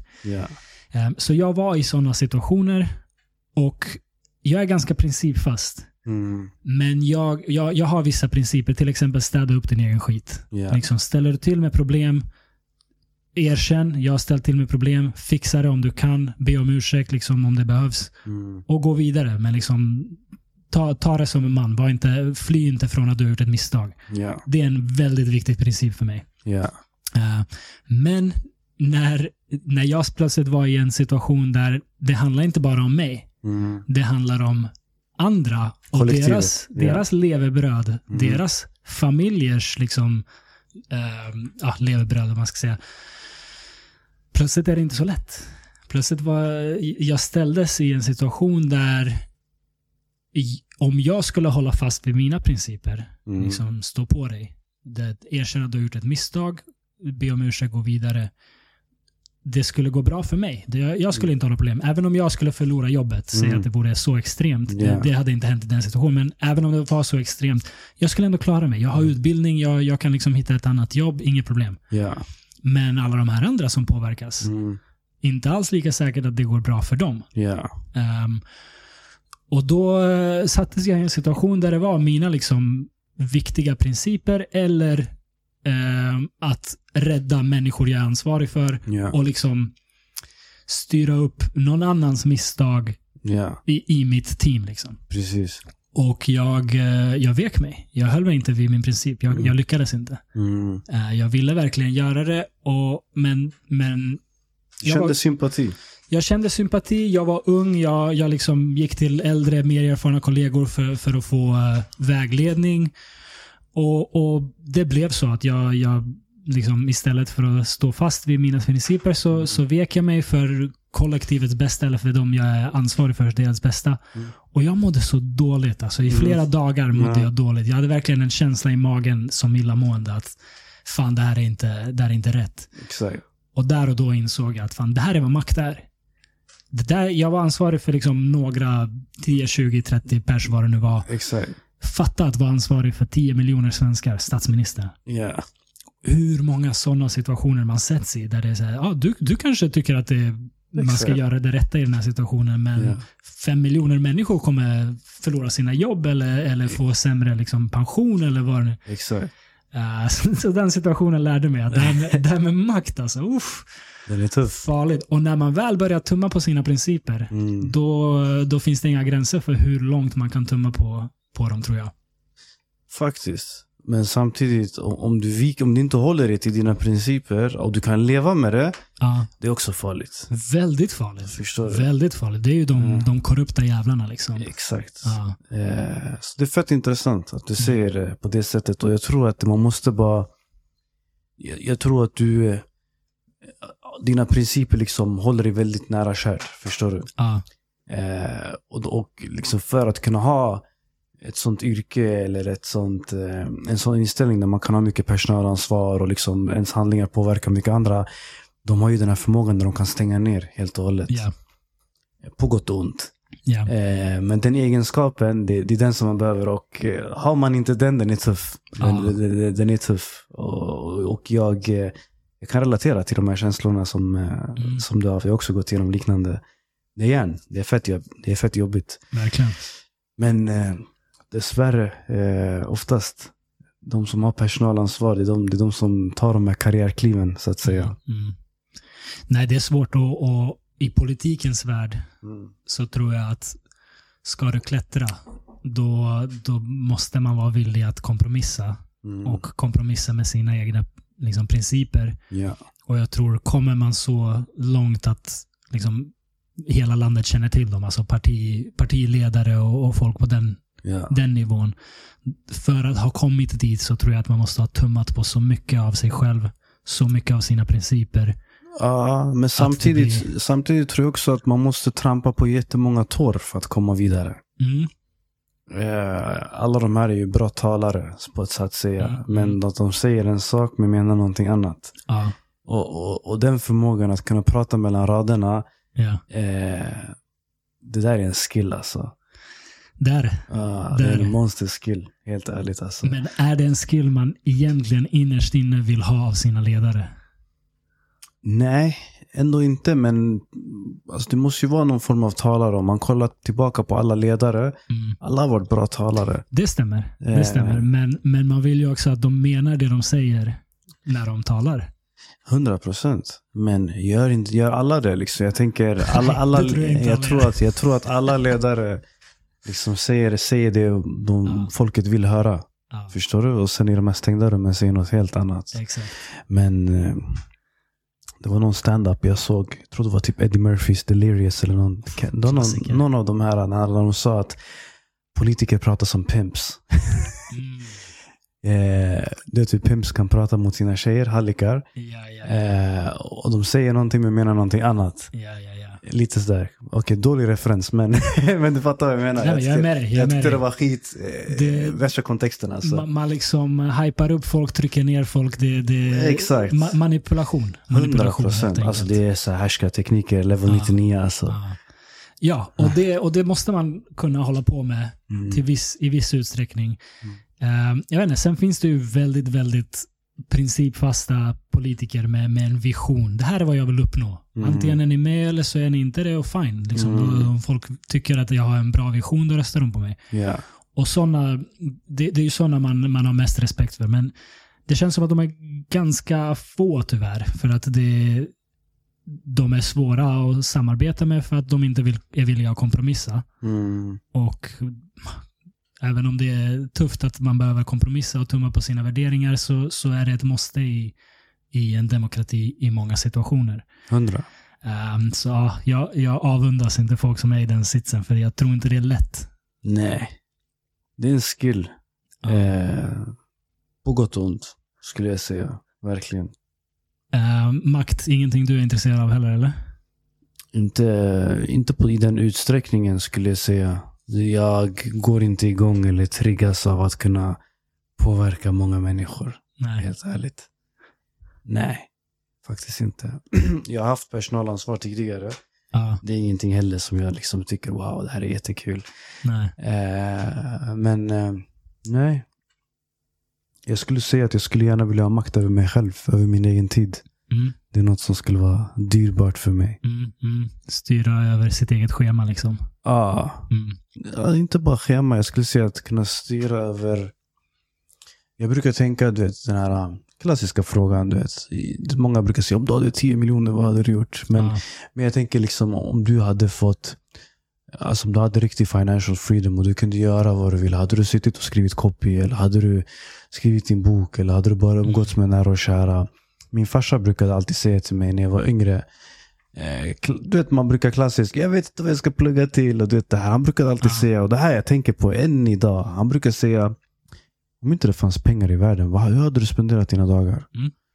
Och den är fett, det är värsta mindfucken det där. ja, ja. För det får ju tänka, "Ey, vad hade jag gjort? Alltså, hade, om, jag om inte det fanns pengar i världen, alltså, om det var bara så här. Ja. Det funkade. Och, och, och, och, det, det leder till egentligen vad du ska göra i livet, Ja. basically. Verkligen. Vad hade du gjort då? Personligen, jag hade nog seglat Ja. och eh, skrivit böcker. Så du, du lever din, dina dröm, drömmar? Eh, inte ännu, skulle jag säga. Men eh, inshallah i framtiden. Vi, eh, du tog upp det här med segling. Vi, Mm. vi, vi går in på det lite grann. Du har seglat i, i många år. Sju, åtta år eller någonting sånt. Ah, sju år. Sju år. Hur eh, började det? Uff, det här är en eh, fett lång historia, men Ja. jag ska summera den lite snabbt. Ja, jag har inte pratat Eh, någonstans. Det är bara att köra. Jag, eh, jag var, vad är det, 21 bast. Ja. Jobbade på ett litet jobb som inte jag gillade. Mm. Eh, hade precis pluggat. Eh, försökte, försökte få jobb. Mm. Mm. Eh, krigade. Fick inte jobb. Vad hade du pluggat? Jag hade pluggat till byggingenjör. Okej. Jag hade någon idé, du vet. Jag gillar lego. Det, det är samma som lego, du vet. Ja, hur som helst. Men det intresserade mig fett. Utbildningen var nice. Man fick lära sig väldigt mycket. Man fick praktisera hela den biten. Men sen visste jag ungefär vad jag ville hålla på med. Krigade liksom för att försöka få ett jobb. Eh, Ja. Gick inte som jag ville. Och bara, vad fan ska jag göra nu? Du vet, så här, shit, du vet, du vet när, man, när du gör det rätta, Mm. men du får inte liksom den här uh, belöningen som du tror du förtjänar. Ja. Oavsett liksom om du har ingångar eller inte, eller nätverket. Men det gick inte så som jag ville hur som helst. Och eh, jag åkte iväg med några vänner, med Ali, eh, till, eh, till Asien. Backpackade till oss flera, år, eller flera månader. Fett kul. Eh, kände mig fri. Det var en sån eh, monsterkänsla. Eh, att bara liksom gå runt i Thailand, vet, Vietnam, alla de här. eh, Som ung också, du vet, när du bara har en ryggsäck och kan sova i stranden och du vet, hela den biten. Ja. Hur som helst, vi, vi hamnade på ett... Eh, eh, vi bodde i en ö som heter Langkawi. Det är en eh, ö utanför Malaysia. Bodde där eh, några, någon månad. Fastnade för en bar, The Reggae Bar. Galet ställe. Mm. Det är till er som lyssnar om ni någon gång ska åka till Langkawi. Eh, han, eh, han som ägde den, han var fett G. Han eh, gillade oss som fan. Han var oh shit, ni sköna från Sweden. Du vet, hela den biten. Ja. Så han lät oss eh, bo i hans bar. Okej. Han gav oss käk, liksom, vi fick boende. Han, vi skulle bara jobba, liksom, hjälpa med servering, du vet, bartending, här grejer. Ja. Så vi, vi gled där. Vi fick inte pröjs, men vi kunde i alla fall förlänga vår resa genom att liksom, spara pengar och vara där. Ja. Eh, jobbade runt vid baren. Det kom en skön kille. Eh, personer där som kom in, turister och hela den biten. Och så fanns det en person som eh, satt där i, i desken. Och eh, han, eh, han var en rysk så här, kapten, du vet. Han satt och Ah. drack ren vodka, smak, du vet. Nazdrovia, du vet. Kraft. Eh, och den här killen, han, eh, han kom med värsta rövarhistorierna, du vet. Alltså, Okej. så här, krafthistorier. Jag har sett, du vet, tre, tre delfiner har varit bredvid mig. En orkan här, du vet. Jag har sett sjöjungfrun. Du vet. Alltså, han, bror, han gick loss Han alltså. saltade och saltade. Han saltade, han har sett Atlantis, du vet, alltså sjuka grejer alltså. Och folk sa till mig, de bara den här, lyssna inte på honom, han sover. Du. Det är vodkan som talar. Ja, du vet. Men du vet, människans natur. Du, de Ja. säger gör inte, du gör. Du det ju tråkigt. Jag ska berätta lite historia. Han berättade, han berättade. Det var ren underhållning. Jag satt där, blandade Ja. drinkar, putsade glasen. Du vet. Och någonstans där, jag bara, jag ska syna honom, du vet. Jag bara, jag vill bli som dig. Hur gör jag? Så han bara, okej, bara hämta penna och papper, du vet. Så han sa till mig ärligt, han bara, du åker hit, han bara, du fixar det här, du gör det här, det här, det här, det här. Jag bara, jalla, jag skakade hand med honom, jag bara, okej, då vet jag. Så jag packade in det här pappret i min väska. Mm. Så jag glömde bort det bara. Ja. Sen kom, jag, så kom vi hem till Sverige sen, efter vår resa, när pengarna kom, tog slut. Ja. Eh, jag minns att vi kom hem en, en februari, så kall februari, Ah. fett med snö, du vet. Knas. Det är den här tuffaste tiden, du vet. Verkligen. De som har pengar, de åker till fjällen och åker skidor. Men för oss, det var den här, ah, det, vad händer nu? Ja. Du vet, söka jobb, hela det här. Föräldrarna kollar snett på en. Du vet, hela det här. Du vet. Ja. Och eh, jag kom på den här grejen. Så jag tog upp den här grejen. Det stod så här tydligt. Okej, du behöver de här licenserna. Du behöver jobba på en stor yacht. De finns i till franska rivieran etc. etc. Jag bara okej, du vet. Jag satt en kväll, data, gjorde research. Okej, men jag åker hit, dit. Här kan jag bo, här kan jag göra så. Så jag bara fuck it, jag ska göra det. Du vet. Ja. Jag har inget att förlora. Du vet. Jag har ingenting här att göra ändå. Ja. Om jag går dit, om jag lyckas, jag lyckas. Ja. Jag gick runt och sa till mina föräldrar, mina vänner, hey, jag ska åka, jag ska segla, du vet. Ah, Jag ska sticka härifrån, du vet. Ah, Kom tillbaka, jag kom hit softa istället, du vet. Ja. Eh, men jag bara, fuck it, I'm prove them wrong, du vet. Ja. För att jag också hade den här, uh, jag vet inte om du har backpackat någon gång när du var yngre? roadtrippat lite, men inte backpackat. Ja, men du vet, roadtrip är typ samma. Du vet, den här befriande känslan att träffa nya människor. Ja. Vara öppensinnad och träffa shit, det finns sån här människor och de här tänker så här och de här har aldrig ätit den här maträtten. Och det, bara hela, jag älskade det där. Ja. Och, och, och jag tror det var mycket det när jag kom hem. Att det var bara så här, same same. Du vet. Ja. Jag kunde vara, jag kan vara borta åtta år. Folk kommer ha samma mentalitet. Folk kommer göra ungefär samma sak. Och du vet, hela Ja. den grejen skrämde mig. Och jag bara shit, vet, jag måste göra någonting. Ja. Så hur som helst. Jag åker ner till franska rivieran, till Antibes. Eh, aldrig varit där. Kommer dit, hoppar in på ett hostel. Bor där. Träffar lite liksinnade människor som jobbar på typ yachter. Ja. Eh, och liksom de, de också, de vill ge sig in i den här branschen. Ja. Och Softa, innan vi fortsätter, jag ska bara förklara så att, så att folk fattar vad det här är. Så det finns en bransch som heter yachting. Eh, för alla som har Netflix, det finns en serie som heter Below Deck. Okej. Eh, där det finns det en reality show, som följer människor som jobbar på de här eh, stora båtarna, på de här fartygen. Så det det är egentligen, det är de rikaste människorna i världen. Alltså vi snackar Jeff Bezos, Mark Zuckerberg, de här oljearkarna i Saudi, de här ryska oljearkarna. De här grabbarna. Ja. De sitter på alltså, så mycket pengar, de vet inte vad de ska göra med det Ja. på den nivån. Och det de gör då är att de köper extremt stora dyra yachter. Alltså så här 120 miljoner euro kostar en sån här Ja. yacht, förstår du? Och det kostar han typ 20% av det att bara underhålla den per år. Det är en ren alltså, pengaförlust. Och det är en maximal ego-grej det här att göra det här. Status. Ja, det är en monsterstatusgrej.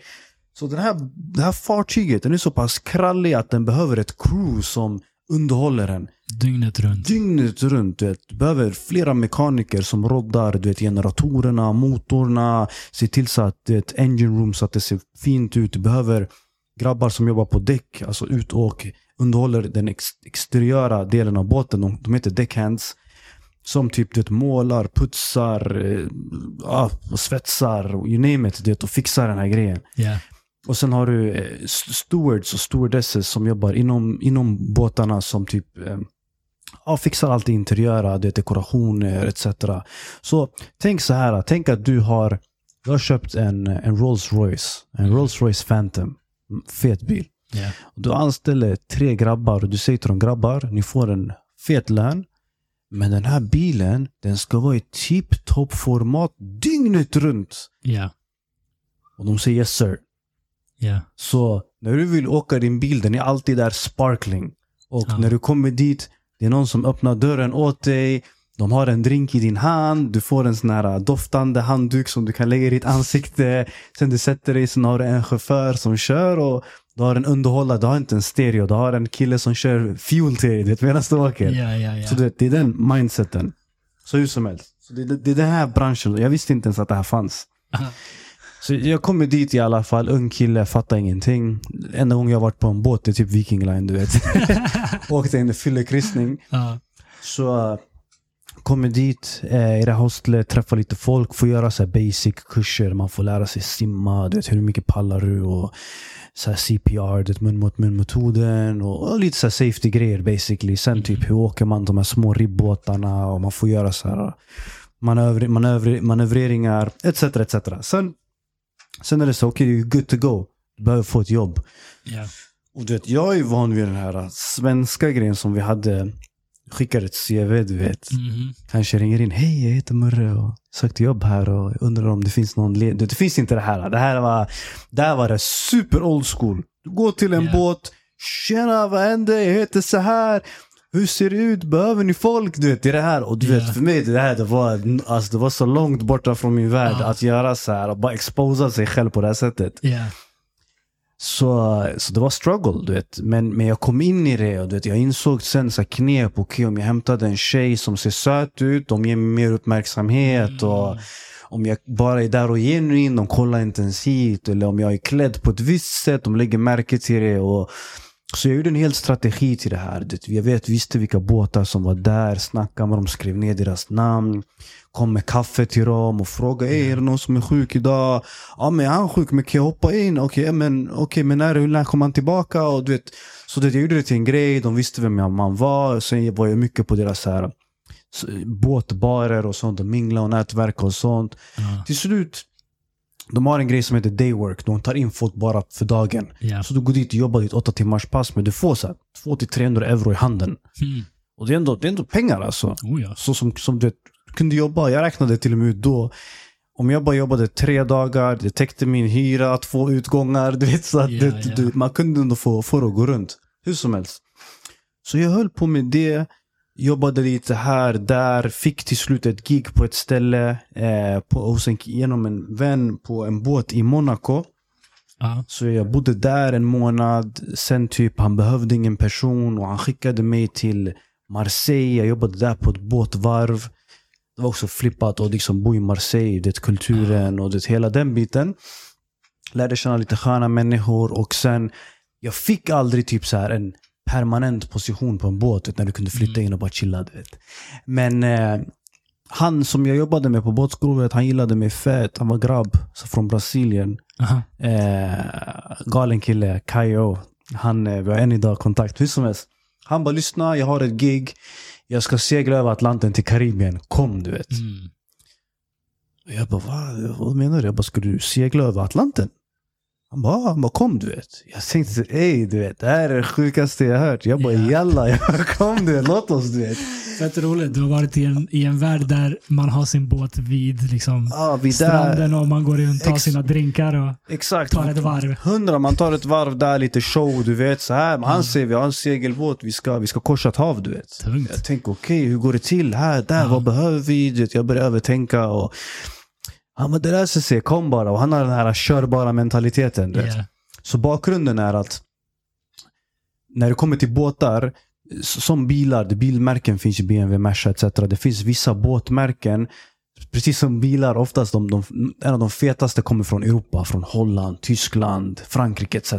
Yeah. Så människor i typ Nordamerika och Karibien som typ vill ha de här feta märkena, de måste ju exportera hit dem. Mm. Så det de gör, de hittar unga kaptener och sånt och säger lyssna, jag har köpt en båt, kan du hämta den åt mig? Och du, Ja. får, du får cash och jag står för mat och du vet alla de här grejerna. Så det var ett sånt gig basically. Yeah. Transportjobb. Ja, basically. Så det var en splitterny sån här katamaran. Nice. Den var 50 fot. Första gången jag hade varit på en katamaran. Och jag, han och sen vi rekryterade en sydafrikan som vi hittade i en bar. som behövde pengar. Vi bara hej kom häng med oss på det här äventyret. Han bara jalla kom det. Så vi hoppade in på den här båten och vi korsar Atlanten. Eh, sjuk resa. Eh, så jävla roligt. Vi fiskade, lärde känna varandra på ett helt annat sätt. Eh, var med om, vi var med om en sån här, jag skulle inte säga en orkan men jag tror det här var, var det Hurricane Arthur? Om jag inte minns fel. Hur som helst.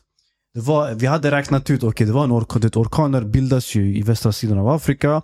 De korsar Atlanten, sen går de och manglar du vet, Karibien och USA och de bitarna. Sen finns det ju orkaner i andra sidan av världen. Det finns ju de i syd, sydöst, Sydostasien, de kallas typhoons där och sen finns det de i Australien. Men hur som helst, när vi snackar här i västvärlden om orkaner och hurricanes, det är oftast de som bildas utanför västra Afrika, typ Kap Verde. Yeah. Och de går västerut, väst, nord, nordväst och så kommer de till typ ja, USA. Sett som de här Hurricane, den här som hände i Ka- Katrina, vet du? Var det Hurricane Katrina? Katrina i ehm, Vart- vart New land- Orleans. New Orleans var det, Mm. exakt. Klassisk exempel. Yeah. Så det var en som var ute och vi var typ så här pff, åtta sjömil någonting ifrån den och vi tänkte vi är safe du vet. Men vi blev manglade och Shit. alltså det var, det var skitläskigt. Det var som en film. Mitt ute på Atlanten eller? Ja, ah, det här är det. Du kollar åt alla håll, det är bara vatten. Fuck vad obehagligt. Och du vet, vi ser typ barometern, alltså lyfttrycket sänks, Ah. vi ser fåglar fly- flyga åt alla håll. Det är som en skräckfilm, du vet. Ah. Sen kommer det, du vet, regn från ett håll, vågor från ett annat, vind från ett tredje håll. Och det allt i båten bara prrr, det tumultar, Ah. allt ramlar ner. Och du kan inte vara inne för att det, ditt balanssinne går helt viral, Ah, förstår du? Att shit. du, du blir spyfärdig direkt. Ah, Så du måste vara ute bland elementen och bara brösta den. Och det är inget segel ut den, du bara, bara rida ut den. yeah. Så du sitter fastklämd. Så att så det, om du ramlar, det över. Det är game over om du ramlar i vattnet. Mhm. Så du står bara där och bröstar den. Och det var två dagar. Ih, 48 timmar alltså. Sådär. Ingen sömn, ingenting alltså. Du, du bröstade den bara. Och det där var första gången, vet, man hade ju hört om den här tsunamin i Thailand tidigare och allt. Men du vet, det är svårt för oss att relatera de här Innan, naturkatastroferna. innan man har upplevt det. För att du vet, vi, vi, här i alla fall, man, vet, man badar i Östersjön, vi har inte ens vågor här. Mm.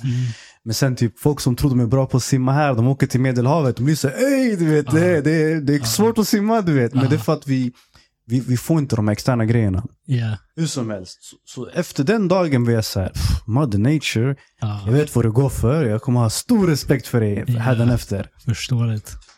Men eh, tillbaka till min story. Eh, levererade den här bo- eh, båten, Ja. kom till Karibien, till Virgin Islands. Eh, fett nice ställe att vara där. Eh, berättade till min, mitt crew, jag bara, "Ah, jag vill jobba på båtar, du vet. Och de bara, ah, men eh, bästa stället, är, det finns en ö som heter St. Martin. Mhm. Bättre att du åker dit och väntar någon månad för det kommer komma fett med yachter. Där kan du hitta ett jobb. Så jag kommer dit typ tre månader innan typ yachtsäsongen är igång. Ja. Och jag kommer dit, jag landade, jag minns att jag hade typ så här 500 dollar på sig. Det var allt jag hade en ryggsäck. Ja. Eh, och jag bara fuck vad ska jag göra nu du vet. Så jag bodde på ett hostel, hittade ett, så här, typ ett delivery jobs först. Sen hittade jag ett så här, båtvarvsjobb. Så här, vi skulle stå typ, så här, och riva båtar. Det var första gången i mitt liv jag jobbade så, här, så händigt i mitt liv. Ja. För 40 dollar per dag. Ja. Alltså det är scrap-pengar alltså. Ja. Förstår du? Ja. Men jag var med locals. Mm. Och, och på något sätt var det ändå bra för att jag jobbade med dem, svettades med dem, åt mat med dem. Jag blev en del av dem. Folk bjöd mig hem till dem och det, vi blev nära och du vet hela den biten. Så det var fett nice. Snackar folk engelska där eller? De snackar engelska, de snackar ju mycket så patois, den här Jamaican-slangen. Eh, sen snackar de också typ fransk, eh, de snackar franska en del och så här. Eh, ja, lite bra, men med engelska du klarar det fint. Hur som helst, jag är där några månader, lever mitt liv, eh, testar på lite sköna grejer, kommer lite båtar. Hittar en fet segelbåt där. eh, Som, eh, som jag går och söker jobb på sen och det berättar det som jag berättat här basically till kaptenen. Ja. Och han bara svär, han bara jag är från Finland du vet. Okej. och jag bara shit. Så fast han är, han är uppväxt i Finland men han är typ bor i Kanada. Ja. Hur som helst, så han tar in mig, tar mig under hans vingar, han bara jag ska lära dig allt du vet. Tungt. Så det var mitt första gig faktiskt. Och typ jag flyttade in där. Vet, jag kunde noll. Alltså Ja. så här, om båtar och allt. Jag hade bara typ städat båtar. Jag började längst ner alltså. Från Husby till St. Martin. Ja, basically du vet. Eh, och du vet, han bara ah, kom. Han bara du får en lön. Jag fick typ 3500 euro. Jag fick inte ens en sån lön i Sverige alltså. Nej, det På den tiden jag var typ 22, 23 bast alltså. Mm. Och det var så här, och han bara, vi, här är på båten, vi har en kock. Du behöver inte någonsin betala mat, du behöver inte göra någonting. Så du kunde spara typ Ja, dunder. 80-90% av din lön. Om inte du det fuckar ur ute på stan. Men du vet, det, det är ett väldigt ekonomiskt sätt för en person att spara pengar och, du vet, Ja. och bara du vet, resa.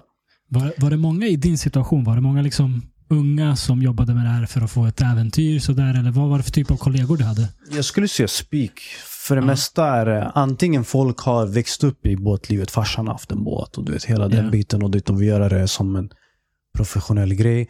Alternativt exakt som mig, folk har backpackat sig fram och bara Ja. velat resa världen.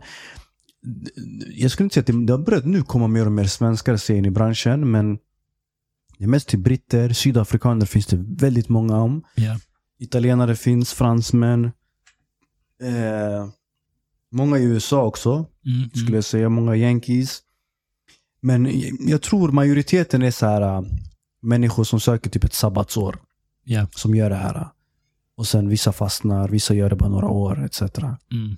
Men hur som helst. Jag, jag, jag, eh, fick ett jobb där, var på den båten i typ ett och ett halvt år. Åkte runt vet, hela Karibien. Var uppe i typ hela nordväst, nordöstra Nordamerika. Du vet, från du vet, Florida, North eh, Carolina och alla de här hela vägen upp till Kanada, du vet, till Halifax och Newfoundland och platser jag inte ens visste på kartan. Eh, och så därifrån eh, åkte jag till, eh, till, tillbaka till Asien. Eh, var där och seglade i typ ett år. Eh, det var fett nice. Och du på en mindre båt, eller typ så här 30-40 fotare. Mm. Fixa ett license och du vet, lärde mig mer kring, okej du vet. hur funkar båtar och det, hela den biten. För att jag behövde få det från grunden. För att när jag jag är på de här stora båtarna, Ja. du vet de har autopilot och du vet hela det. Jag ville få den här äh, dödssnacket. Man ser på videon att han slickar sin tumme, han håller den mot luften. Du vet, han känner okej vinden kommer därifrån. Det här, jag ville vara den här killen du vet. Ja. Förstår du? Så jag gick back to the roots där. äh, Hittade en skön skola. En kille som typ roddade den som jag hade träffat. Han lärde upp mig en bit. Sen fortsatte jag i olika yachter liksom, eh, i Medelhavet. Eh, var tillbaka i Karibien en sväng. Vart, har varit i Centralamerika. Och däremellan så åkte jag till eh, Southampton i, i UK. För att jag insåg att okay, jag bara, men jag vill ändå vill typ göra mer än vad jag gör idag.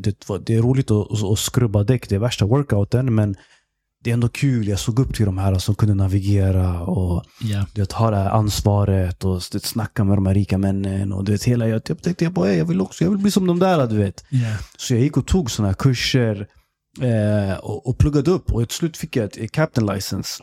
Fett. Eh, och det var fett nice. Och det var så här bam. Och du vet, det var så här okej. nu är jag där, nu är jag den här killen som går runt med straps på grejen och mössan och hela det här. Du vet. Fan vad coolt. Men sen när jag väl jobbade med det, då var det tillbaka till den här maktgrejen som du snackade om. Och, och då var det det här, du vet, för du måste förstå. Just det, just det. Då får man mer ansvar och mer... Mer ansvar, Huvudvärk. mer huvud. Så du, du vet, försök lägga dig i den här situationen. Du Ja. har anställda som du själv anställer.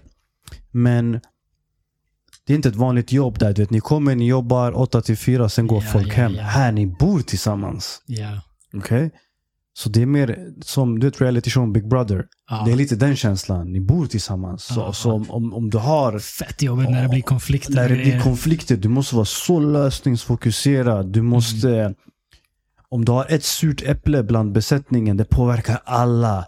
Och du vet, alla de här, oftast de som du anställer är backpackers. Ja. Så det här är folk som är unga, de vill leva sitt liv, de vill festa, de vill lägga Instagram-bilder, hela det här.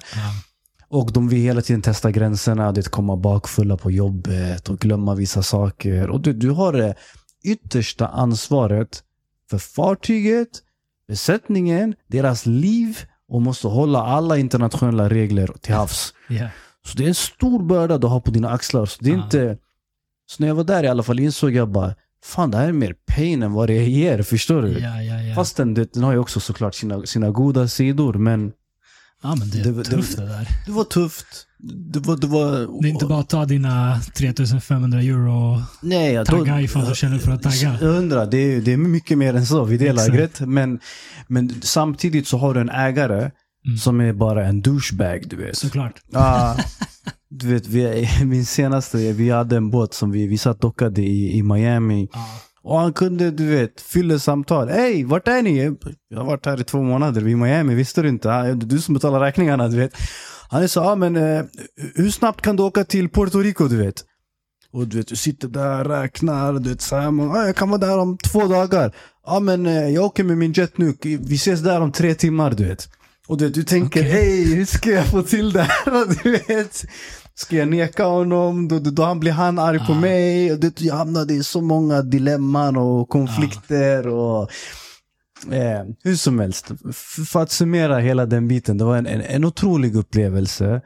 Lärde mig fett mycket. Mina, mina sista typ år där var fett roligt. Han som ägde den båten, eh, monsterkille. Han monsterhistoria faktiskt. Om den här Ah. killen, hur han fick sin rikedom och de Okej. pengarna han har.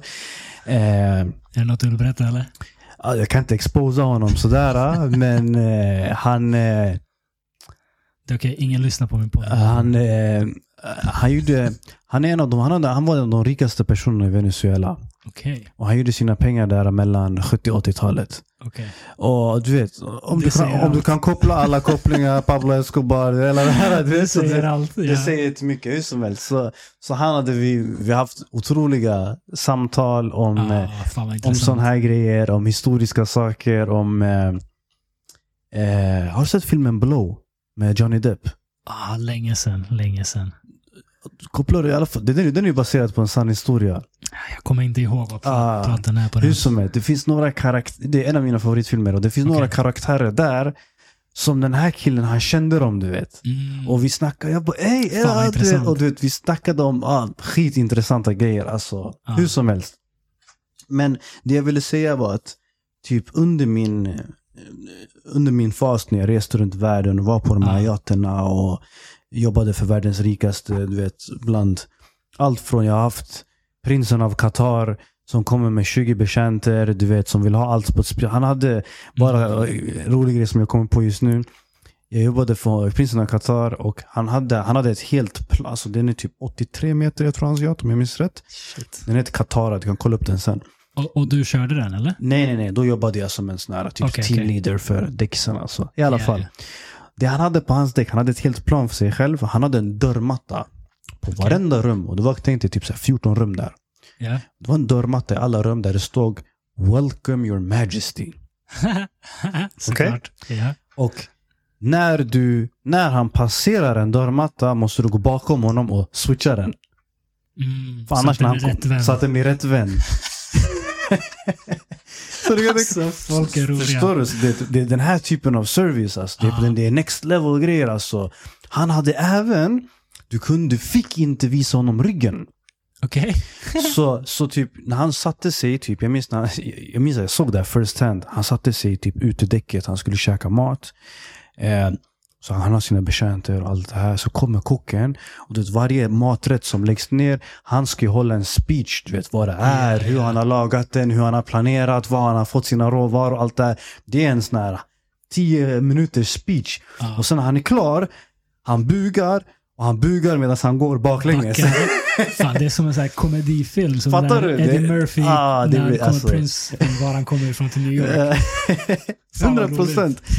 Så du, du, du, du möter sån här typer av människor och du vet, din verklighetsuppfattning, deras verklighetsuppfattning, den är så annorlunda och den är bara sjuk du vet. Ja, tänk att man kan komma till det där att man det, är det är ett krav man har. Att mattan ska vara rättvänd var man än är. Ja, det finns värre grejer än så. Alltså det finns, jag jobbade en sväng på Roman Abramovic båt, Eclipse. Uff. Alltså, du vet, han som äger Chelsea och de här. Han är också så här, du vet, han kommer inte ombord på sin yacht gåendes någonsin. Okej. Han säger till dem alltid att åka till ett specifikt ställe, så han kommer med helikopter. Okej. Och sen kommer hans gäster med helikopter. Och du vet, det är så här, sen har han en ubåt i båten så han kan bara sticka iväg. In Mm. case enemies skulle komma, du vet. Ja. Du vet så de, de har, James Bond-grejer. det är James Bond-grejer, det, det är sjuka grejer alltså. Ja. Men du måste förstå, det här är en procenten av världen. Ja, ja, ja. När jag var, Om in, det. vet, innan, promille. fattar? Innan det här, när jag tänkte rika människor, jag tänkte typ så här. De jag ser på hiphop-videos som kastar flos.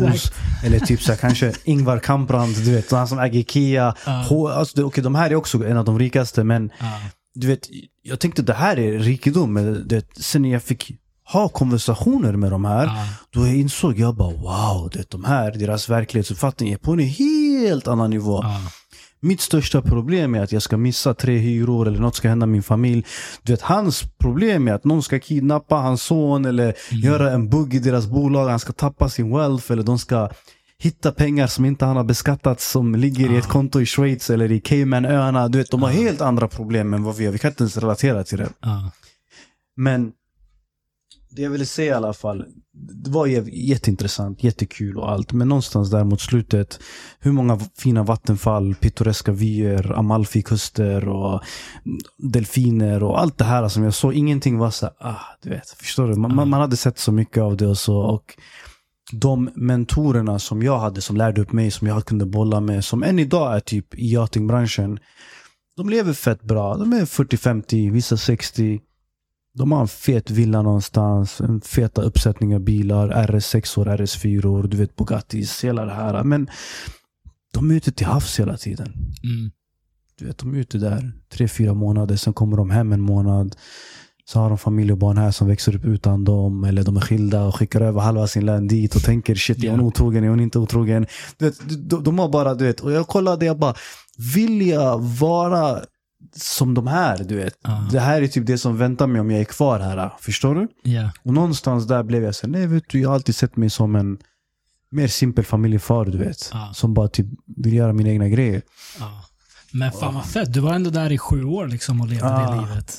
Exakt, exakt. Så det var, jag saknar det till vissa delar. Ja. Eh, har fortfarande vänner som är där och gjort några avstickare ibland, några sådana här delivery jobs och, och Ja. lite sånt. Men Det är inget Mm. du är sugen på eller att göra då och då? Eller? Nej, faktiskt inte. Nu, nu har man familj, barn, Mm. man, har, man har stadgat sig på ett helt annat sätt.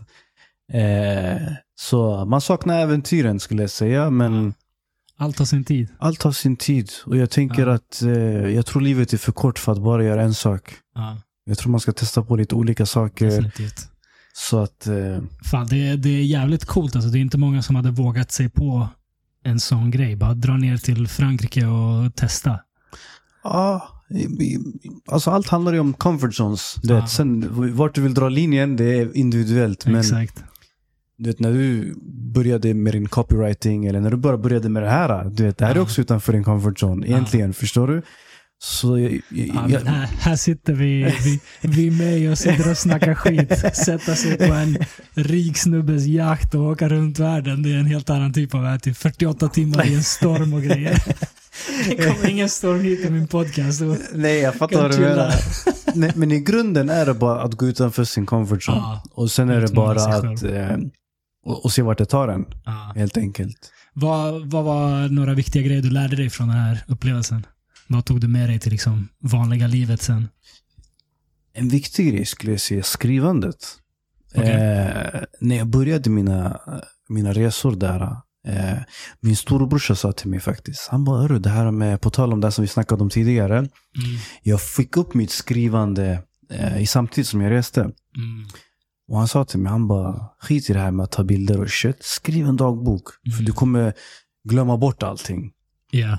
Och, och det är någonting som jag liksom höll starkt vid. Där jag skrev väldigt mycket om mina resor, personer jag träffade, tankar som stötte på mig, tragedier jag såg, Ja. kontraster liksom från du vet det klassiska när man är utomlands, man inser att man är svensk. Du vet. Ja. I olika sammanhang, du vet, när man är tyst i en hiss eller när folk säger hej till en, man, man är så weird, Ja. awkward. Du vet, all, alla sådana saker som jag typ catchade mig själv på, Ja. skrev jag ner. Eh, och det var någonting som jag fick med, med väldigt mycket och det, till slutet när jag hade alla ansvaret och allting, Ja. det är typ min happy moment där var typ att låsa in mig i min hytt och bara skriva. Ja, ja. Eh, och sen blev jag alltid så här, fan jag önskar jag kunde göra det här på heltid. Ja. Eh, och så tänker jag än idag, obviously. Men, eh, men jag skulle säga det. Eh, lärdomarna eh, och liksom eh, skillsen, eh, definitivt det. Hela det här liksom att lära sig segla och sjömanskap. Mm, mm. Du vet, hi- hitta dig själv om du bara har stjärnor och en sextant och det, hela den biten. Ja. Och fett nice. Eh, orientering på en helt annan nivå, du vet. Ja. Eh, jag skulle också säga väldigt mycket perspektiv eh, öppnade upp mig. Jag var väldigt, Mm. alltså jag skulle inte säga osäker, men jag skulle säga att jag hade en eh, annorlunda form av självkänsla. Alltså Mm. du vet hela det här... ja du var ju ung. Du var, vad sa du, 21 när du Ah, började? typ 21, 22, du vet. Man var Ja. ung, man var du vet, låst vid vissa tankar och nej Ja. jag är inte så här och det är machobeteenden och Ja, ja. eh, du vet, små saker bara. Du vet, att acceptera att typ, jag kunde ha en vän som var homosexuell. Mm. Weird, du vet. Förstår du? Men sen hamnade jag där och sen, wow, du vet, låt, låt han göra sin grej, du vet. Det stör inte mig, du vet. Sådana ja. små grejer, att man bara mognar till på ett bredare perspektiv. Alltså, och du vet, tänka att okej, eh, man har en barndom som man kanske inte är stolt över eller man upp- uppfostrades på ett visst sätt och Mm. man var okej med det för att alla ens vänner gick igenom samma Ja, man, grej. Då man, blir, man levde i en bubbla där det var så här man betedde sig. Liksom. Ex- Exakt, men, men inte bara, du vet, här är det mycket, du vet, om du gör det på ett visst sätt, det kanske är fel, men du bröstar den för många andra gör det, det blir lite flockbeteende, du tänker Ja. inte för dig själv, förstår du? Och går emot strömmen, men när du sen träffar en kille från Mexiko, en kille från, eh, eh, fan vet jag, Zimbabwe och du vet en annan kille från eh, Korsika. Ja. Och ni sitter där och ni sitter och snackar om, det var min favoritgrej faktiskt, att Ja. snacka om typ barndom och uppfostran med Mm. internationella människor. Just det. För det var så här, ey shit, jag trodde, jag fick stryk när jag var liten med den här. Hans farsa slog sönder han, du vet. Man, man fick bara höra eh, Man får perspektiv. fett med perspektiv och du vet, lärdomar och insikter skulle jag säga. Ja, ja. Eh, som där fick mig att växa och det var så här, shit, vet, de här tänker så här. ja. Jag tänker så här, vad är det för fel på mig? ja. och den biten skulle jag säga är eh, fett nice, fett viktigt, något som jag har liksom tagit med mig än idag. Alla de här eh, sakerna som... eh, Och även det här materialistiska skulle jag säga. Mm, hur menar du? Hur man... Nu, nu utgår jag från mig själv. Att jag kunde sätta en viss lycka kring materiella saker. Ja, ja. Alla gör det till viss mån. Men eh, du vet, ibland... Många kan vara... Eller man kan typ... Får jag inte den nyaste, den här är inte tillräckligt lycklig. Eller Mm. jag strävar efter att eh, kunna köpa en fet bil och det, det kommer generera lycka, tror jag. Mm, mm. Eller du vet, sådana saker. Men jag inser att hela den biten, det, det är bara externa faktorer. Ja. Din lycka kommer bokstavligen inifrån. Mm. Och när du väl kan alltså, acceptera den och du vet, hitta vägar personligen för att påverka den och du vet, se över den biten. Ja. Du, du, du kommer bara in i din egna zen-mode så att säga. Ja. Fan vad intressant. Alltså alla de här grejerna du, du berättar som lärdomar. Mm. På något sätt är det liksom motsatsen till den situation du slängde dig in i. Ja, 100 Alltså, procent. du slängde dig in i något som är så socialt, som är liksom hela tiden extrovert och du kommer fram till att jag vill sitta och skriva. ja. Uh, Du, du slänger dig in i liksom världens rikaste människors liv och inser att det här med rikedom, det är inte det, är inte det som köper lycka. Liksom. 100, alltså för jag såg. Fan Alltså, men men det, det, är fett kul att du, du säger det för att Mm. i hela mitt liv, hela mitt liv fram tills att jag gjorde det här, Ja. jag trodde bokstavligen att pengar ger lycka. Mm, mm, Men, jag vill säga ett men här. Jag, jag tror fortfarande att det gör det till en viss gräns. mm. Men då trodde jag att alltså wealth i sin en oändlighet ger dig oändlighet lycka. Ju rikare, desto lyckligare. Tack. Mm. Det, det, det var det vad jag trodde. Det var min utgångspunkt i, li, i livet. Jag Ja. tänkte jag måste jaga flos och det kommer leda till maximal lycka. Ja. Och sen satt jag där en dag med världens rikaste, du vet. Och du Ja. vet, eh, jag kunde säga kom, eller jag kunde så jag jobbade, det var ju mina arbetsgivare, så man var inte Ja. vän på det sättet. Men Ja. det hände, ah, kom ta en whisky med mig. Ja. Och då jag tänkte det här är min shot, du vet. Och då kastade jag alla de här frågorna som jag hade, du vet. Och, Ja. och, och det var oftast en vanlig fråga. Är du lycklig? Mm. Du vet, så jag frå- Du, du fråga. frågade dem straight up, är de lyckliga? Ja, alltså, Mm. inte sådär uh, out of the blue, men jag jobbade in det Ja, fint, ja, ja. du vet. Väldigt många liksom, när de var genuint ensamma med mig och det, de kände jag behöver inte göra någon fasad. De var inte lyckliga, de var helt miserable alltså. De var helt miserabla alltså. Ah, Det är som du snackade om innan, vilka problem. Att någon ska kidnappa ens unge och Kidnappa skit. ens barn, du vet. Han har kusiner som har velat låna pengar, de har fått 10 miljoner dollar, de har aldrig hört av sig mer. Ja. Du vet inte vem som gillar dig för vem du är eller för att du har pengar och inflytande. Du, du, du, du, du, lever i en hel bubbla. Du vet inte vad som är sant och inte sant. Ja. Alltså det var på den nivån, jag minns en person jag jobbade för. Han hade en monsteruppsättning med bilar, mansions flera lägenheter och allting. Ja. Vet du vad han gillade att göra? Nej. Han gillade att sätta sig, han hade köpt en skitig Toyota, så här second hand, du vet. Bajsbil. Han gillade att bara clasha i random och bara sätta sig i sin Toyota och bara åka runt i staden. Och se Bara så här, ingen, människa. vanlig människa. Ingen vände blicken för att se honom, ingen Ah. paparazzi, ingenting. Och han älskade det, du vet. Han, Ah. bara, du han saknade det han ville bara vara normal, du vet. Mm. Fan vad intressant. Du vet, men annars, du vet, han ska gå någonstans, han måste ha livvakter, den röda mattan, det ska komma TMZ, de ska gå loss med deras bilder och du vet, hela det här och du vet Vissa söker ju den här glamouren och hela diten, Ja. men till och med den blir uttjatad när inte du kan ha ett normalt såklart. liv. Och det var där poletten den flög hos mig. Jag- Den, den, den bara trillade av. Jag kollade, jag bara ja, han är mer olycklig än vad jag är. Jag Mm. tänker, jag har problem. Den här han är på en helt annan nivå. Mm. Och då är jag bara, hmm, okej men vad är lycka för den här personen då? Lycka Ja. för den här är bara för att sätta sig i en Toyota och vara normal. Och det, de brukade, eller han brukade säga till mig, hade jag, om jag fick önska någonting, jag önskar jag skulle kunna vara lika gammal som dig. Mm. Alltså yngre 20-årsåldrarna. Ja. För att han skulle kunna typ kunna leva det om igen. Kanske inte göra exakt samma dag, men han hade gjort säkerligen någorlunda likadant för att han var ju ett geni. Han lyckades liksom samla upp en enorm rikedom. Ja. Men det var typ hans lyckligaste dagar. Liksom, att med relationerna och få till det och det, framgångsrikheten och allt det där. Sen när du väl är på toppen och omsätter så mycket pengar och lever på det sättet och har du vet hundratals, tusentals personer som ar- arbetar för dig. Ja. Du vet, det är så här. Ja, det var bara en eye-opener för mig.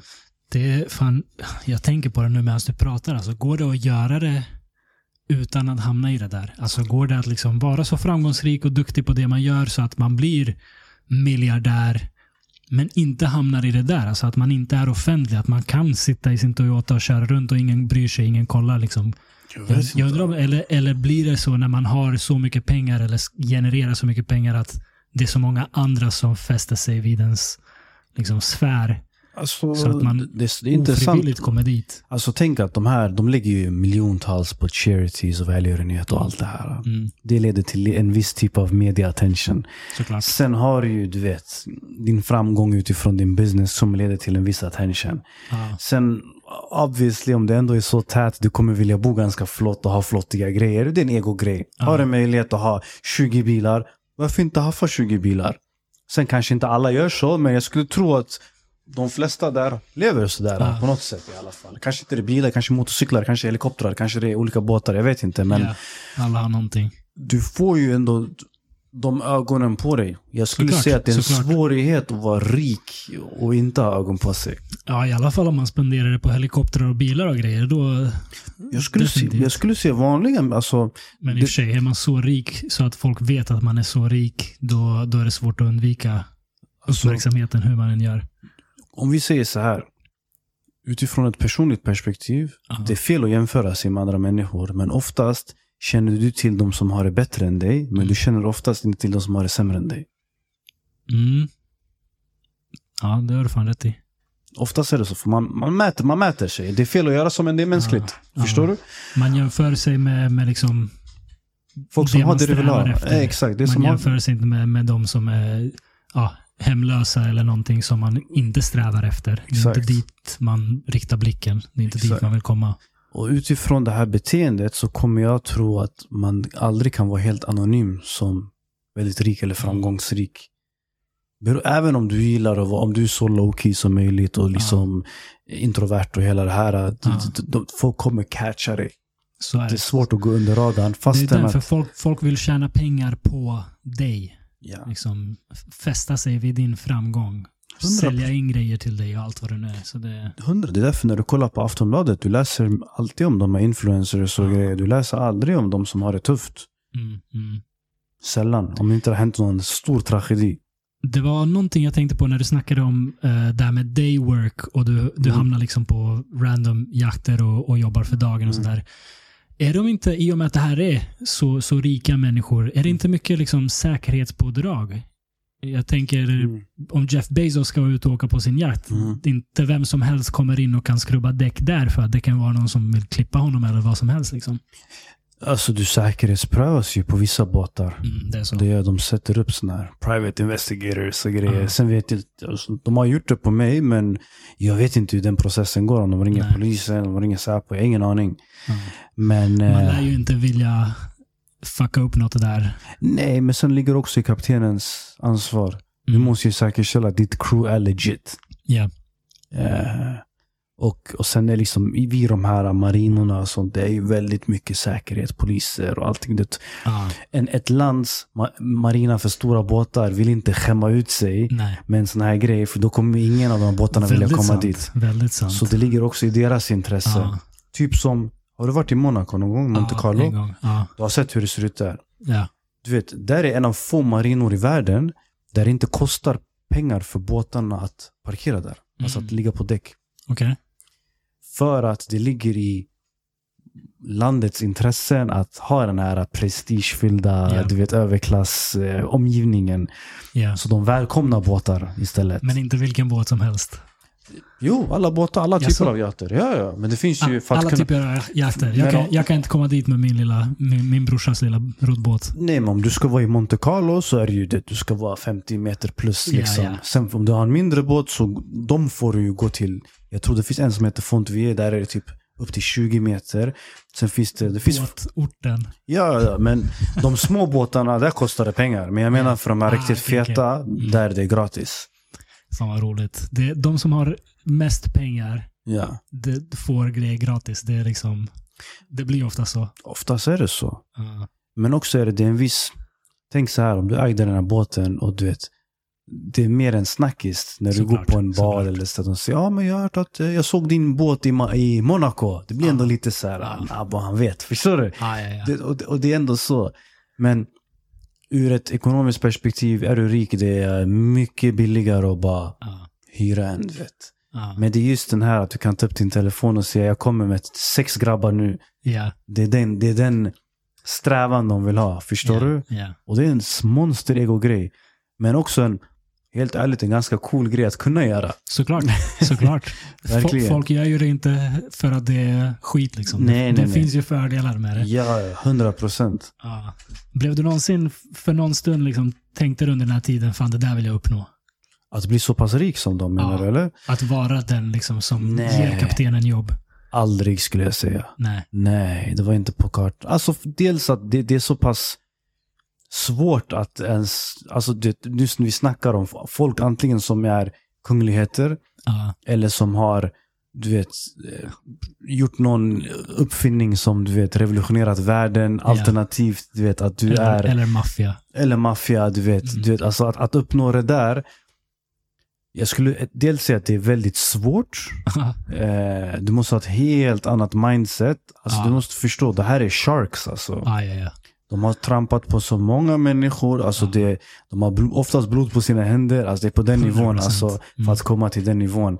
Det är inte, det är inte en enkel resa. Nej. Så nej, det är absolut inte någon form av avundsjuka. Mer än efter det här som vi snackade om, att man tycker synd om dem på ett sätt. Mm, mm.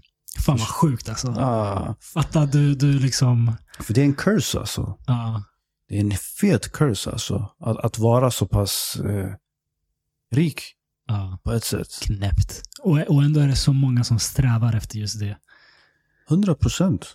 Jag, jag har tänkt på det en del. Alltså, de, de som är rika, Mm. oavsett vad det är för gren, handlar det om båtar, handlar det om eh, musik, liksom Jay-Z, Beyoncé. De, de som är eliten, de som är rikast, Mm. de har ju gynnats av systemet som det är. Mm.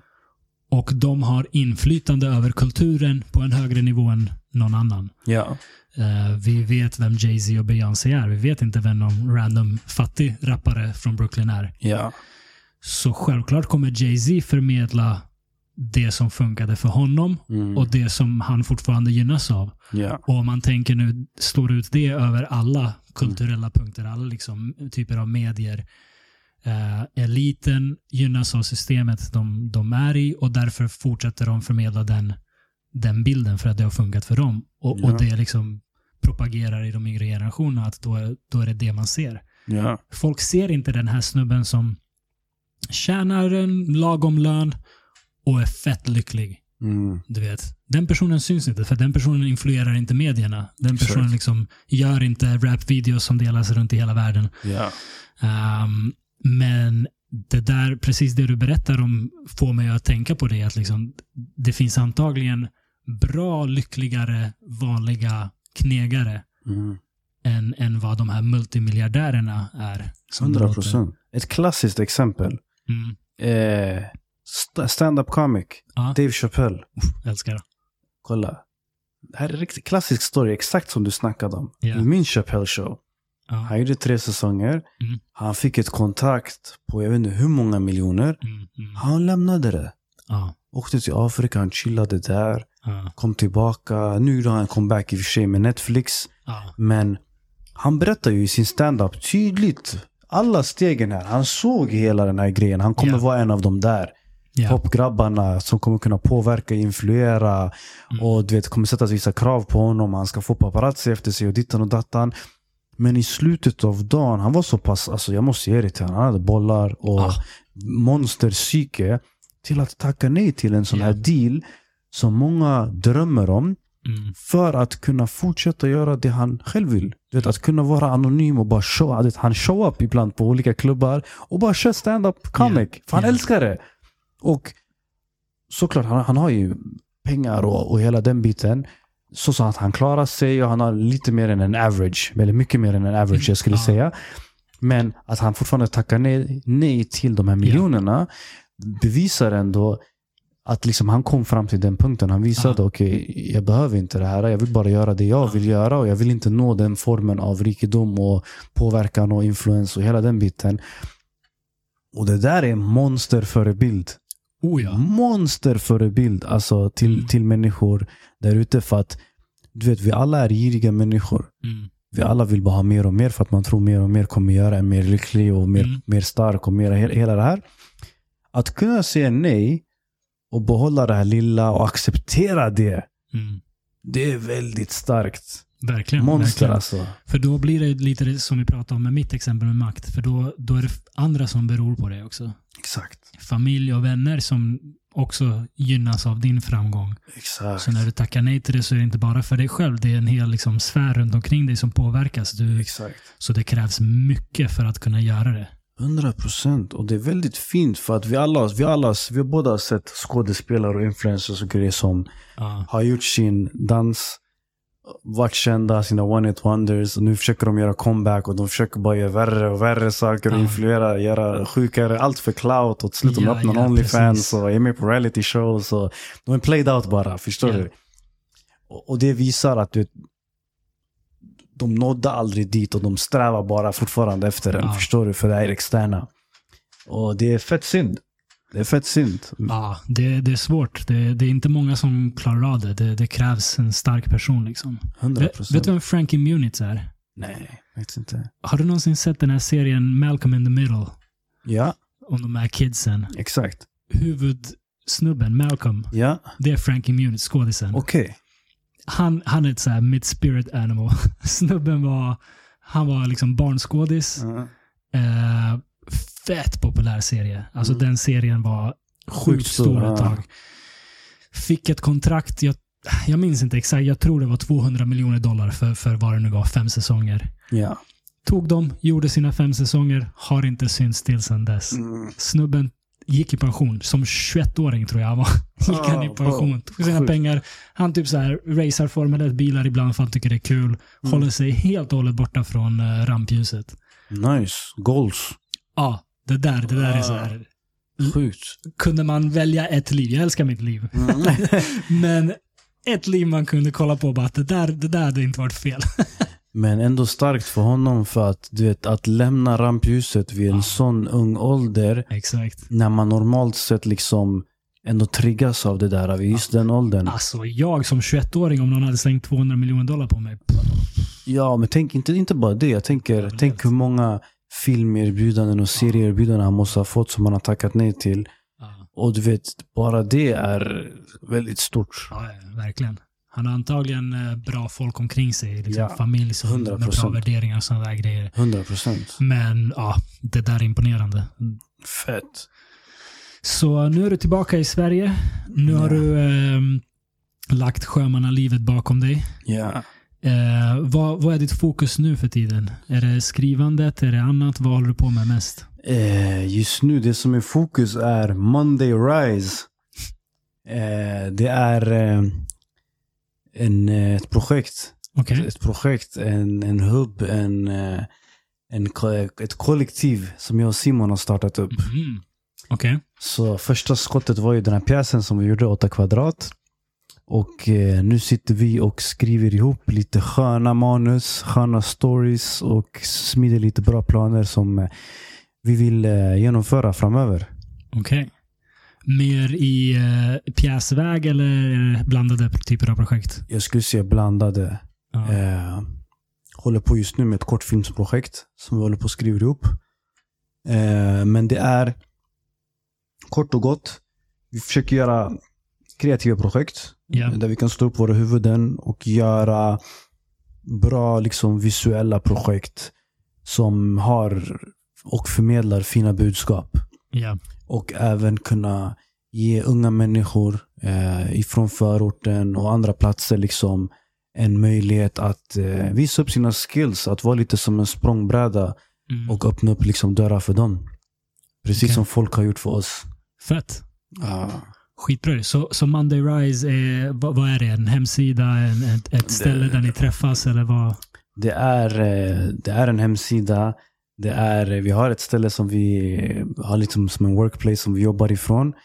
Mm. Eh, som vi hoppas på blir någonting större längre fram. Ja. Okej. Eh, så det kanske blir, ja, det är lite svårt att definiera men jag skulle säga just nu det är ett, ett produktionsbolag där vi pumpar ut massa saker. Fan vad fett. Ah, Jag ser fram emot att, att, att se nästa, nästa verk. Eh, kommer 8 kvadrat sättas upp igen tror du? det går rykten om att den kommer sändas igen i Husbyteatern våren 2024. Det går rykten. Det går rykten. Så mycket kan jag Om- säga. Om man ändå kunde snacka med någon som, som är nära projektet, liksom, det, Ja. det vore bra. Eh, jag som är Okej. där, jag har också bara Så, rykten. det, så det, det finns en chans. För jag har, jag har många vänner som eh, tänkte gå, Mm. men inte lyckades, eller inte han eller vad det nu var. Ja, Och som ångrade som fan nu. precis. Det, jag också fett. Alltså, det blev ju helt utsålt. Jag var ju, Ah. Det var ju helt chock liksom att det blev så här. Ja. Men det visar ju också att väldigt många vill se det här. Sådana här typer av stories. Mm, mm, Väldigt många har kommit till mig och sagt att det här är första gången jag är på teater. mm. Jag visste inte ens att Just sånt det. här fanns. Det är inte ens på ens radar. Ja. Eh, jag vill faktiskt fråga dig, när var du senast på teater innan du såg 8 kvadrat? Det var ett bra tag sedan. Det var ett bra tag sedan. Minns Ja. du vad du såg för någonting? Uff, jag tror sist jag såg något var Phantom at the Opera, eller Phantom of the Opera, vad heter det? Okej, så musikal typ. Ja, Nice. jag tyckte inte den var så nice. Ja. det var inte din vibe helt enkelt. Det, det är en klassiker, men eh, jag tyckte storyn var så... eh, jag, bara, jag bara förväntade mig mer av storyn. Jag trodde det skulle vara lite djupare budskap, men det var väldigt straightforward. Det här händer och sen händer det där och sen var det slut. Och Mm, fanns inte mer... Jag vet inte, jag, jag saknade lite djup i det. jag. Jag kanske bara är naiv och inte fattade djupet i det. Ja. Men jag pratade med folk som... Jag, försök, jag försökte förstå, för efteråt kom jag ut och bara, vad, vad missade jag? exakt, exakt. Och folk sa att jag inte missade någonting, så jag vet inte. Jag Kanske var inte min grej. Intressant, jag svär. Eh, åtta kvadrat fick mig att tänka på, eh, så- fort jag säger det här kommer du veta exakt vad jag menar. En scen i Fresh Prince of Bel-Air. Okej. Jag tror jag vet vilken du menar. Farsa-scenen, när den Ja. Uncle Phil kommer och ger honom en kram. Ja. Alltså, Mm. det, det för vår generation, Ja, det där är liksom höjden av, eh, vad ska man säga, förmedling av känslor genom tv. Bra sagt. Alla minns det avsnittet, den Ja. scenen. Det är liksom, eh, vad heter han? Will Smith. Eh, Will Smiths farsa har liksom lämnat honom sedan han var Mm. liten, kommer tillbaka in i hans liv och sen lämnar honom igen. Ja. Och känslan alltså. Uff. Mm. Och det, den känslan fick jag i, i 8 kvadrat. Det var verkligen att så här, man kände storebrorsans liksom, börda. Mm. Man kände pressen på lillebrorsan. Ja. Den, det, är inte, det är inte bara en pjäs, alltså den, det är inte bara underhållning. Den, Mm. den petar i någonting väldigt äkta, väldigt mänskligt så att man inte kan undvika att bli, berörd. Mm. Även om man inte har gått igenom det själv. Ja. För mycket av det de liksom snackar om är inte något som jag själv har erfarenhet av. Mm. Men man känner det. Precis som man känner liksom Will Smiths smärta i, i den där scenen. Och det är fett nice att du säger det, för att det var också någonting som vi, både jag och Simon, eh, bollade liksom. Mm. Hur, vilket budskap kommer vi förmedla här? Ja. Vad är det vi vill säga? Och säkert när du växte upp också, du hade också massa som, jag vet inte om du hade båda föräldrarna hos dig eller liksom, men man hade oftast vänner som både, kanske bara hade morsan där eller Ja. farsan där eller så. Man, man såg ju ändå så här eh, skillnader på ett sätt. Mm. Eh, Absolut. Och och det var också någonting som vi ville påpeka. Det kanske inte alltid behöver vara negativt. Mm. Förstår du? Det, det betyder bara att det blir andra roller i hushållet. Ja. Eh, Ja, riktigt. Eh, ja, ja, ja, jag får rysningar när jag tänker på det. Riktigt, riktigt eh, i mina ögon mästerverk. Det, det gjorde ni riktigt bra allihopa. Stort tack, jag svär. Jag vill göra en stor shoutout till Simon Mattias.